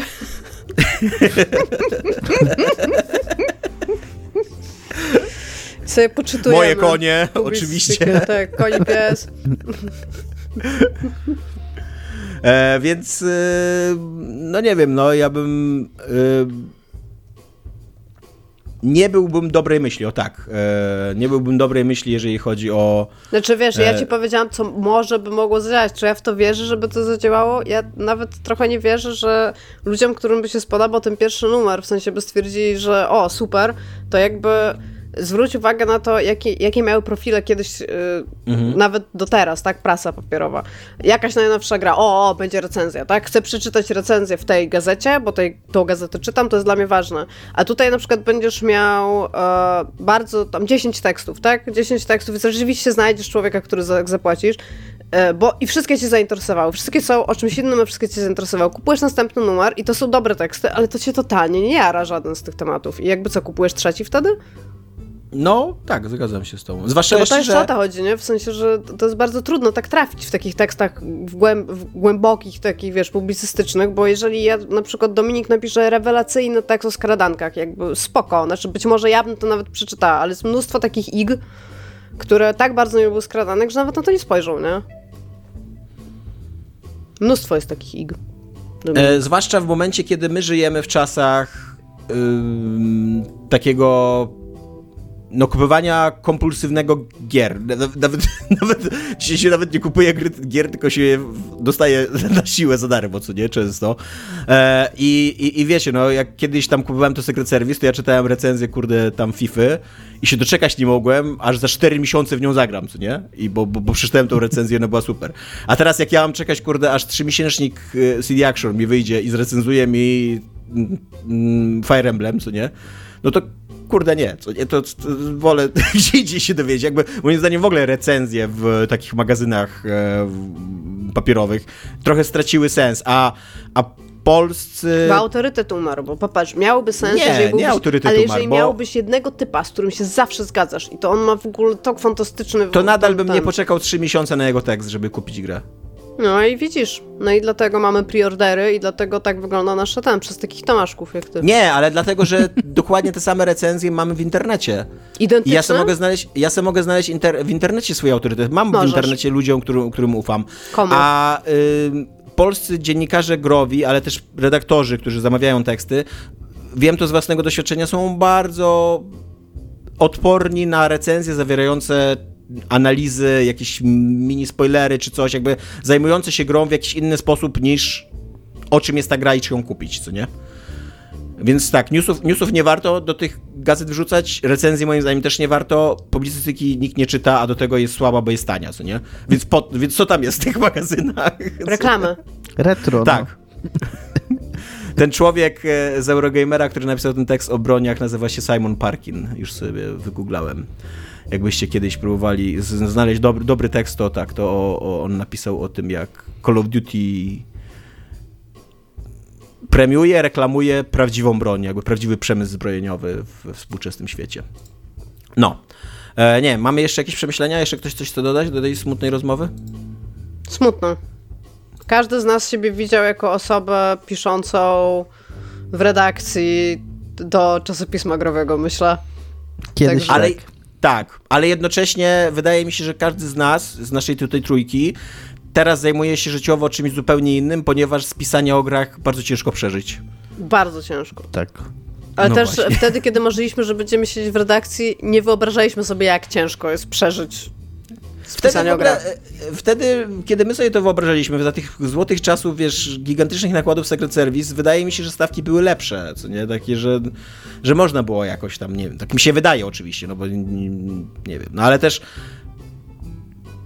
przy, przywołując te wszystkie takie kombatanckie, kurde, wspomnienia, których niestety jest cały czas mnóstwo w, właśnie w takich magazynach jak Pixel, co też jest trochę win, minusem e, te, te, tej, tej prasy moim zdaniem, ale no to wtedy to wyglądało trochę inaczej, co nie? Wtedy to wyglądało tak, że było mnóstwo kasy, mnóstwo reklam, mnóstwo czytelników, no ale to się skończyło, bo internet wszedł.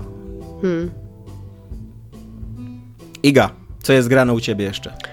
Jeszcze grałam w taką grę brytyjskiego studia Not Games, która wydawać by się mogło, że z grą starą, Not bo ona Games? była w, Not Games, bo ona była w Early Accessie już od 2020 roku, więc jakby ona już trochę jest na rynku. Natomiast w styczniu zeszłego roku wyszła w końcu z Early Accessu, Accessu i jakby ma teraz wszystkie epizody grywalne i można sobie ją przechodzić. I to jest e, Not for Broadcast i to jest symulator i teraz powiedzcie mi, realizatora telewizyjnego? Montażysty? Montażysty, no coś takiego bym powiedział. No, w każdym razie osoby, która siedzi... Wydawcy mm, telewizyjnego, bo program też się wydaje, jakby masz tam No właśnie wiem, który... tylko że się zastanawiam, jak się nazywa jakby ta postać po polsku. Ja byłem, ja, ja, tak, ja, ja byłem kiedyś w Wirtualnej Polsce, jak pracowałem i byłem takim człowiekiem, który siedzi po drugiej stronie szyby i mówi do słuchawki mm, prezenterce i byłem wtedy wydawcą. Okej. Ale też podejrzewam, że też producent robi podobną rzecz. No w każdym Może- razie to jest e, taki symulator tego, to, to, ta gra ma jakby dwie fazy i teraz opowiem o tej ciekawszej jakby. E, siedzi się przed konsoletą, gdzie mamy cztery ekrany, które zwykle w normalnych trybach to są cztery różne kamery. Mamy na samym środku to, co jest w tym momencie, czyli to, co teraz jest pokazywane na ekranie i potem po prawej stronie mamy jeszcze jeden ekran i to jest to, co widzi widz. I widz ma jakieś 3, go- 3, 3 godziny, 3 sekundy laga w którym my możemy jeszcze edytować to co, to, co on zaraz zobaczy, jakby, tak? Więc mamy to wszystko na nasłuchu, mamy cztery kamery. I teraz naszym zadaniem jest zmontować na żywo ten program tak, żeby on spełniał pewne zasady i żeby oglądalność wzrastała. Czyli na przykład, jeżeli osoba mówi, to ma być w kadrze, ale jeżeli mówi powyżej powiedzmy 10 sekund, to trzeba przebić to na taki reaction shot i pokazać, jak jej rozmówca reaguje, ale to nie powinno trwać dłużej niż 3, to się tak jakby każdy, kto widział kiedykolwiek program telewizyjny albo tam newsy, tak, w sensie wiadomości, wie mniej więcej, jak to powinno wyglądać. I teraz my się wcielamy w takiego właśnie pana, który sobie tam siedzi za tą konsoletą, dlatego że jego poprzednik ogólnie postanowił wyjechać. A dlaczego, to zaraz powiem. A, I my musimy składać newsy wieczorne, taki program wiadomości wieczornych, a, który zaczyna się od tego, bo to jest taka intryga jakby, że mniejszość polityczna, która była zupełnie mało prawdopodobne, jakby, że, że miałaby wygrać, wygrywa wybory jakąś znakomitą większością głosów. I oni są strasznie radykalni. I w ogóle podczas pierwszego programu, więc wielkie spoilery, bo to jest w pierwszej rundzie w tutorialu, dowiadujecie się, że wygrali i że teraz będą gigantyczne zmiany. I te zmiany ewidentnie nie są za dobre, w sensie są strasznie radykalne, ale tak naprawdę masakrycznie ra- radykalne. I na to reagują, e, bo można sobie oczywiście podglądać, co tam się dzieje w studiu w momencie, kiedy kamera jest nie w studiu. Na to reagują tam jakby ta ekipa, która, która jest tam i gadającymi głowami właśnie. Tam jest chyba producentka, jest kimś innym, bo jest taka babka, która do nich mówi, oni do niej rozmawiają do ucha. Ale no w każdym razie jest tam ca- ta cała ekipa jakby telewizyjna i naszym zadaniem jest właśnie tworzenie tego programu. Tam między innymi też musimy dobierać reklamy i teraz ze względu na to, że ta partia zdobywa tyle poparcia i wygrywa, to ma to wpływ na jakby drugi tryb gry i to jest taki, taka paragrafówka, bym powiedziała, która się dzieje pomiędzy tym, jak jesteśmy w studiu i robimy te rzeczy. I tam podejmujemy taką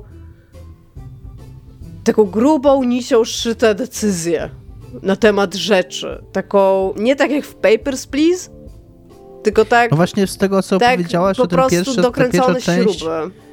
ta pierwsza część bardzo brzmi jak taki Papers, Please em up. No bo to jest komediowa, komed... bo to, to, to, jest śmie... to jest prześmiewcze jakby, tak? Bo to rozumiem, jest że tam też masz komediowy jakby reguły, komentarz. Nie, to nie, jest, to nie są takie reguły jak w Papers, Please. To jest Aha, okej. dużo bardziej luźne. Jakby to nie jest tak, że y, tam okej, jeżeli ktoś przeklina, to musisz zrobić taki pip, tak, w, w trakcie tego i ta oglądalność ci spadnie, jak ktoś przeklnie, ale jest różnie jakby, tak? To nie są, to nie są takie stricte jak w Papers, Please, że wiesz, że za to dostaniesz penalty 5 dolarów, jeżeli zrobisz to, Mhm. Okej. tak? To tak nie ma. To tak- Plus Papers, Please jest poważne, a to jest, to jest mega prześmiewcze ogólnie, więc to jest taka mm, parodia jakby propagandowego tego. Natomiast ta fabuła, która się dzieje jakby w tych paragrafówkach, to jest taka saga twojego życia rodzinnego jakby. E, Tam po pierwsze jakby ta partia nienawidzi ludzi bogatych, więc ty tam oczywiście jesteś tam bidokiem, ale im lepiej ci idzie, tym dostajesz więcej pieniędzy. więc nam dobrze jest trochę jakby utrzymywać się, że tak powiem, na środku tego. Ja tej gry jeszcze nie przeszłam, jestem tam dopiero w którejś rundzie. Co rundę dochodzi coraz więcej mechanik w tym studiu, tylko ja nie wiem, czy to jest przez to, jakie podjęłam decyzje, czy o, o co z tym chodzi, ale ta gra ma gigantyczny problem z pacingiem, bo bawienie się w tym studiu jest super. Nawet nie z, z projektowaniem tempa rozgrywki, tak bym powiedziała. E, bo to, że ty jesteś w studiu i te tryby, to jest super rozgrywka, ale te paragrafówki moim zdaniem są nudne i nie są jakieś emocjonalnie ważne dla mnie, jako dla osoby. I jakby ja w pewnym momencie się skumam, że przeszłam chyba tam dwa czy trzy etapy w tym studiu, a potem chyba przez godzinę klikałam w paragrafówki. Jakby ja nie rozumiem, dlaczego to się stało, ale mi się totalnie odechciało grać w tą grę w tym momencie. Po czym wrócili mnie do studia, gdzie ja już przez, to, przez ten dłuższy czas nie byłam taka hop jakby w tym wszystkim, żeby yy, jakby przy samej tej symulacji tej, tego realizatora, producenta, wydawcy, czy kto, kogo tamkolwiek, bo klikałam przez ostatni tam jakiś czas paragrafówki i jakby wróciłam i dali mi trochę więcej mechanik i jakby okej, okay, przeszłam to, przeszłam to na tam w miarę, bo on ta gra jeszcze rozlicza, jakby co rundę dostajesz tam albo podwyżkę, albo premię, albo co, cokolwiek takiego. Jakby okej, okay, poszło mi to, ale ja bym wolała, jakby ja bym z wielką chęcią w tym momencie gry tą meta rozgrywkę w ogóle porzuciła, jeżeli bym miała do tego możliwość. Jakby mniej mnie interesuje to, jaki wpływ mają te wydarzenia na to, co się dzieje u mnie w domu i że tam na przykład nie mam pieniędzy. W Paper Please to było tak fajnie zrobione, bo miałeś te rachunki na sam koniec i jakby nie potrzebowałeś dialogów z nie wiadomo kim, tam tylko dostawałeś te jakieś mini notatki, nie? Ale nie miałeś tam jakichś tych. A tutaj masz takie sceny z życia, że tam córka cię pyta przy obiedzie, czy dołożysz jej się, żeby mogła wyjechać ze znajomymi na wakacje, ale ty wiesz, że nie masz pieniędzy, ale żona cię łapie za rękę i mówi, uśmiecha się do ciebie lekko i tam like, who gives a fuck, dajcie mi tam dalej blipać, że ludzie przeklinają. Jest fajnie zagrane i gdyby sam Barlow w ogóle potrafił kiedykolwiek zrobić kawałek gry, to wydaje mi się, że powinien w to zagrać i mógłby się czegokolwiek nauczyć, ale to już jest postać, w którą ja totalnie nie wierzę, więc jakby jeżeli uważacie, że sam Barlow mógł robić dobre gry, to chcecie w to zagrać, o tak. Bo to jest real, aktorzy tam są, chodzą, jest nagrywane rzeczy. Mówię, jedyne co, to, to, to nie jest stuprocentowo na poważnie, to jest bardzo takie podkręcone do 11. Mają nawet taką e, w cudzysłowie kwarantannę, ale nie wynikającą z koronawirusa, nie będę tutaj wchodzić w co tam się dzieje. Plus ewidentnie jest dużo branchingu, bo jest, widzę takie momenty, które, gdzie ja podjęłam jakąś decyzję przy wyświetlaniu czegoś i to ma dalej na coś jakby wpływ, co jest fajne, ale już zaznaczę, że przez to jak dużo wideo ma ta gra, takich prawdziwych plików wideo ciężkich, ona waży 60 giga. Więc... Tak, więc to jest kawał gry jakby, nie? Przez to, że cały czas oglądasz Call filmy. of Duty. No, no pra- tak, połowa Call of Duty, nie? Ale jakby to jest coś, co chciałam podkreślić, bo ja mam akurat dosyć szybki internet, no w sensie jest to wciąż kobyła, tak? Jako, jako gra. Uh, natomiast jest naprawdę, naprawdę ciekawa. Ja chcę sobie w nią pograć. Aha, tylko że tam się dużo dzieje i przez to, że właśnie ona ma bardzo długą tą rozgrywkę jakby turową. Je, jeden ten taki news, który trwa, ten taki, te wiadomości, one są dosyć długie, więc jesteś tak autentycznie zastanawiasz się, dobra, czy chcę pograć jeszcze jeden dzisiaj, czy może lepiej na jutro to przerzucić, nie? W sensie to nie jest taka 20 czy 15 minutówka. Tam się siedzi i trzeba to wszystko obejrzeć. Potem można jeszcze sobie poprzeglądać, bo na przykład jesteś nad czymś innym skupiony, ale słyszysz, że... Mm, ci, jak się nazywają, prezenterzy ze sobą rozmawiają i chciałbyś posłuchać, o czym oni rozmawiają, ale to dopiero możesz zrobić jakby po tym, jak nagrasz ten program. Możesz sobie wejść do archiwum i każdą kamerę sobie tam wyciszyć, zobaczyć wszystko, co się dzieje. Co też jest fajne, ale też zajmuje czas, więc jakby to jest taki naprawdę trzeba się zaangażować w to. To nie jest taka giereczka jak Vampire Survivor, że do pogrania sobie tak na 15 minut tam przy okazji czegoś, nie? Ale no, jest bardzo ciekawa.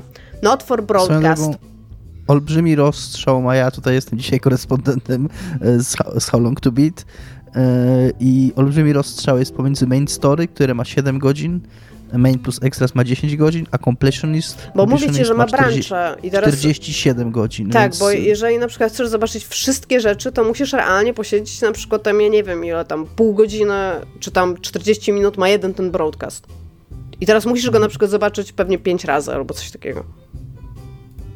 No to jest, to jest naprawdę jakby, to się dzieje w cudzysłowie w real time, tak? Ci ludzie rozmawiają, ktoś to w ogóle nagrał, ktoś to... Naprawdę spoko to jest wykonane. I to, że naprawdę jest tam bardzo, bardzo dużo gameplayu, ty się nie siedzisz i nie oglądasz tego i się nie nudzisz, tylko jak tam ktoś przychodzi, zaczyna ci przeklinać i ty musisz to wybipywać tak, żeby ci ludzie, bo słyszysz jakby to, co ludzie mają na wizji, tego nie słyszeli i jeszcze się roz, roz, jakby robisz sobie taką schizofrenię uszną, żeby słyszeć zarówno to, co się dzieje w tym momencie i to, co będą widzowie widzieli tam za kilka sekund, to to jest, to jest naprawdę bardzo, bardzo fajny kawałek gry, jeżeli chodzi o innowacyjność, nie? I teraz ludzie, którzy mają Steama i którzy chcieliby dowiedzieć się, co to jest innowacyjność, a głosowali na Streja, być może powinni ściągnąć na Twór Broadcast, będziecie amazed po prostu, jakie gry mogą być innowacyjne. O Jezu, będziecie siedzieć i ale jak? Ja, ja tu nie chodzę Ale Iga, niczym. przecież ty mówiłaś, że żywi aktorzy nie są potrzebni w ogóle w grach wideo, że powinno się ich rozstrzelać wszystkich. Tak, ale to jakby, wiesz, to mogłyby być równie dobrze cutscenki, jakieś takie 3D zrobione, ale tutaj chodzi o sam system tego zarządzania, że ten gameplay jest bardzo, bardzo ciekawy. To jeszcze przy okazji, przez to, że ci ludzie grają ewidentnie takie bardzo przerysowane postaci, widać, że oni mają fan. W sensie realnie widać, że ci ludzie mają fan. To nie jest Immortality, gdzie wszyscy mają kija w dupie. Albo Hair Story. E, nie, nie Hair Story, tylko to drugie.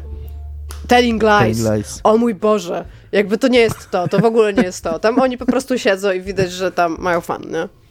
Ja po Immortality mam po raz kolejny powtórzę, raczej ciepło wspominam Telling Lies. Fajnie mi się w to grało, jak w to grałem. Minie. Ty mówiłeś, że chcesz przejść Immortality. Ja bym chciała powiedzieć, że A, ale Dominik, już- jak już w to grał, to się- pisał do mnie dosłownie co dwie minuty. Dlaczego tych filmów nie da się przewijać? Tak, to jest, Iga, to kto to wymyślił? strasznie. I po prostu to był, to był praktycznie jedyny element gameplayowy tej gry i Dominik go nienawidził, ale teraz mówi, że go wspomina dobrze.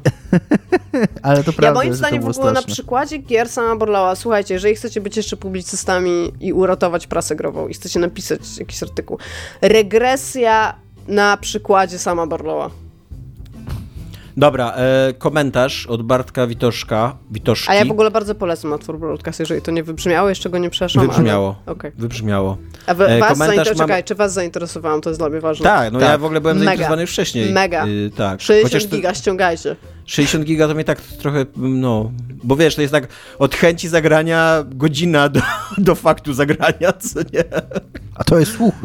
Kiedyś, No tak, trzy- no tak. Kiedyś miesiąc na FIFA czekałeś, a teraz No, godzina to jest miesiące.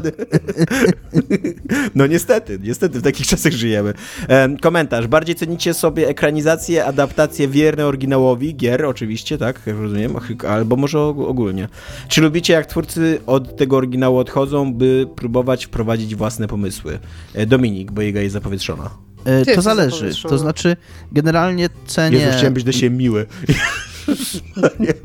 generalnie cenię e, sobie, kiedy ktoś adaptuje jakieś dzieło i rozumie medium, na które je przekłada, że jest to inne medium. To takim koronnym przykładem dla mnie takiego, takiej bardzo sprytnej zagrywki jest serialowa adaptacja Człowieka z Wysokiego Zamku, gdzie książkę, bohaterowie książki czytali w niej książkę, a w serialu zrobili tak, że bohaterowie serialu oglądali film, żeby jakby ta, to, co oni robią, bardziej się sklejało z medium, co jest, było bardzo fajnym pomysłem. E, dlatego lubię, po pierwsze, jeżeli coś jest jakby ze, właśnie tak ze, ze znajomością, ze świadomością mediów zrobione. Po drugie, lubię, e, chyba każdy, mm, jakby jeżeli już znam jakąś historię, czy po przejściu gry, czy po przeczytaniu książki, to fajnie być jakoś zaskoczonym i fajnie jakby zobaczyć jakieś nowe spojrzenia na pewne fakty. E, Natomiast to, czego strasznie nie lubię, e, i to znowu będzie przykład z adaptacji Dika, ale akurat takie mi przyszły do głowy teraz, e, to nie lubię, kiedy te zmiany dotyczą nie tyle treści, co wymowy dzieła. I tutaj z kolei jest przykład e, Prze- Przestrzelne Zwierciadło, które jest bardzo wierną adaptacją na poziomie wydarzeń, natomiast Nie zakończenie zmienia w... Słucham? Nie lubię tego filmu. Lubię tą Ja, książkę. ja nie cierpię, nie ja nie mogę cierpię oglądać w ogóle tego filmu. Ja nie cierpię tego filmu, dlatego że on w ostatniej scenie zmie, zmienia w ogóle wymowę książki, zmienia, zm- jakby rekontekstualizuje cały jej sens na zupełnie Ale ja minute to minute nie lubię tego filmu. Okej, Yy, więc y, tego nie lubię. Jakby lubię, jeżeli twórca przede wszystkim w adaptacji nie jest dla mnie ważne to, czy jakaś postać będzie takiej czy innej rasy, takiej czy innej płci, bądź czy będą jakieś tam szczegóły typu teraz jest w ogóle drama, że w Last of Us zmienili, że to nie są grzyby chyba, że to nie, że to nie są zarodniki, które przenoszą tego wir- to, to chorobę, tylko coś innego, bo stwierdzili, że zarodniki nie, ma, nie miałyby sensu, bo bohaterowie musieliby w maskach gazowych cały serial chodzić. No to było Mm, dosyć ważne w grze, to był bardzo ważny review w No grze tak, z no, i jakoś to obeszli właśnie. jakoś to obeszli, a, a, a, ludzie w ogóle, wiesz, mają dramę z tego powodu. Ta, a taka Ale to są ludzie, którzy, których realnie obchodzi serial Last of Us, jakby... No, To właśnie ja, ja, ja w ogóle, bo to pytanie oczywiście padło przy The Last of Us. Ja bym przede wszystkim chciał powiedzieć, że ja wierzę, że The Last of Us to będzie dobry serial. To robi HBO, to robią ludzie, którzy się znają na swojej robocie i to, tam dobrze aktorzy, ale ja już mam dosyć tego serialu, zanim on się jeszcze w ogóle zaczął. Nie? też. Ilość gadania o tym serialu, ilość hype'u na wszystko, co jest związane z The Last of Us jest tak gigantyczny, że ja już jestem zmęczony nim. Ja, ja, ja go pewnie obejrzę, pewnie się trwa- będę dobrze bawił, ale kurde, można przesadzić z hypem i marketingiem. I HBO dokładnie to zrobiło. No. Pierwszy odcinek trwa godzinę 20. Ja mam No zamiaru więc- tego totalnie nie oglądać. Nie, ja Nie, mam, no tam- ale też uważam, że to będzie spoko adaptacja, dlatego że to no, wcześniej jakby twórcy The Last of Us growego nie bardzo znają swoje medium, więc tworzą filmy bardziej niż, niż dobre gry, co nie? Niż dobre fabuły opowiadane medium growym. E, i, I dlatego to jest, to jest akurat serial, który, to jest fabuła, którą bardzo łatwo adaptować na serial i na kino. No ale tylko koń, kończąc szybko jakby swój, swoją wypowiedź, swoją odpowiedź na to pytanie, więc absolutnie nie, nie ma dla mnie znaczenia zmienianie takich rzeczy. Natomiast jeżeli twórca The Last of Us ma, miał coś do powiedzenia i chciał coś przekazać przez, to, przez tą historię, wydaje mi się, że zmieniając zakończenie w, The Last of Us jakby mógłby osiągnąć podobny efekt, jak zmieniając zakończenie przez ciemne zwierciadło. Niezależnie co my myślimy e, o jakby moralnej, moralnej słuszności tego, co się dzieje w The Last of Us, to jest to pewna deklaracja. Mm, Jakby twórca coś mówi tym zakończeniem, jakby przedstawia jakiś tam swój pogląd, tak? E, Na to, co jest według niego ważne, e, bądź po, no po prostu coś, coś jakby mówi tym, tym dziełem. I jeżeli teraz zmieniał to zakończenie na przeciwne, no to tego bym. Ja, akurat mnie Last of Us niespecjalnie obchodzi, więc to bym się, ale gdybym był fanem The Last of Us, to to bym uznał za, za złą zmianę. Za właśnie coś, czego nie należy ruszać. Nie należy ruszać wymowy dzieła. Iga? Ja bym powiedziała tak. To zależy. No bo to jest takie dla mnie pytanie, co ja wolę. Jak coś jest dobrze zrobione, to, to ja wolę, żeby to było Ale dobrze ja zrobione. mam taką samą odpowiedź. Jakby ja mam Jeżeli- w dupie, czy jest wierny, czy niewierny. Ja chcę, żeby to był dobry film. Znaczy, ja przede wszystkim nie widzę sensu, jeżeli to jest coś super wiernego i to jest prawie jeden do jednego, to ja nie widzę sensu tego oglądać, też czytać, bo nie wiem, jakby... Jeżeli ktoś napisze... Władca, Władca Pierścieni najlepszy przykład. No. Bardzo wierna ekranizacja, którą bardzo, bardzo dobra. No tak, ale jakby i- też mi się nie chciało czytać tej książki do końca, więc też filmu mi się nie chciało do końca obejrzeć. Jakby, jeżeli ja bym miała wybór, to ja bym chciała, żeby ludzie nie, nie przerzucali czegoś międzymediowo, tylko robili nowe rzeczy. To, to, by, to, jest, moje, to jest moje w ogóle go-to. Let's, let's fucking do this. A jeżeli już ludzie mają coś adaptować, to jakby jeżeli ktoś zrobi dobrą adaptację niewierną, to, to super. Yy, Lśnienie. Na przykład mega książka, mega film, zupełnie inne treści. I spoko. Jakby i, cze- i czemu nie, tak? Jeżeli ktoś ma zamiar robić super wierną adaptację, to niech robi i tam Godspeed, jakby, ale wtedy po, po co właściwie? Nie, bo siedzę i się tak zastanawiam, po co. No, żeby bo może... przybliżyć, no żeby opowiedzieć historię, no. Na No przykład ale ta e, historia oj, już jest opowiedziana, nie? Ojciec Chrzestny na przykład jest dosyć wierną ekranizacją książki, poza tam wyrzuceniem scen porno. E, I jest to arcydzieło kina, nie? Jakby to, to, jak jest opowiedziany, jak jest zekranizowany, jak, jak jest zagrany i tak No dalej. tak, ale po, bo ja zawsze wychodzę z założenia, ja wiem, że ja wychodzę bardzo idealistycznie z założenia i tam ten, ale zawsze wychodzę z założenia, że są pewni ludzie i ci ludzie dysponują jakimś talentem i dysponują ograniczoną liczbą rzeczy, którą mogą zrobić w życiu, w czasie, którym dysponują. I mogą zrobić wierną adaptację książki, albo mogą zrobić coś nowego. I ja zawsze wolę, żeby zrobili coś nowego, że nawet może być gorsze niż ta wierna adaptacja książki, a niech opowiedzą nową historię, po swojemu, nową historię od siebie. I jakby ja zawsze będę za tym. Mamy nieskończoną ilość historii, nie trzeba powtarzać opowiedzianych historii. Mamy skończoną ilość historii, Iga, żyjemy po postmodernizmie. Znaczy oczywiście, Ogarnij że tak, ale jakby chodzi mi o to, że jeżeli jesteś w stanie stworzyć coś nowego, to stwórz coś nowego. Wiem, że nie Wszystkie, jesteś... wszystkie już zostały stworzone Ja wiem, że w wszystko już zostało starożytności, koniec, kropka. No to w takim razie Poza być może powinniśmy znaleźć coś nowego, tak? Może już nie historię, akurat- może coś nowego. O ile twój argument, ja zgadzam się z nim na przykład, jeżeli chodzi o jakiegoś wszystkiego, wszelkiego rodzaju remake'i czy remastery, bardziej remake'i, tak, jeżeli ktoś bierze istniejące dzieło Nie, i mi chodzi o na nowo. Tak jak Tak, wiem. powiedziałam. Rozumiem, ale ja, ja mówię, że zgadzam się z czymś, co ty nie powiedziałaś.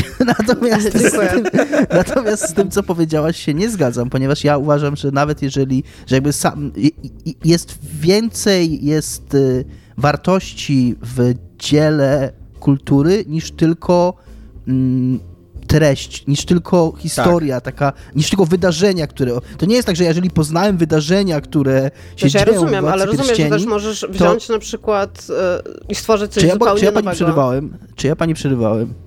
Czy ja mogę skończyć? No ale ty mi E, a- mówisz rzecz tak, jak ja, ja bym mogę- tego nie rozumiała. Jakby ja to rozumiem, ja wiem, mogę- że... No ja- dobrze, powiedz, powiedz. A natomiast natomiast y, adaptacja jest również, zawsze jest, nawet, nawet najbardziej wierna adaptacja jest interpretacją.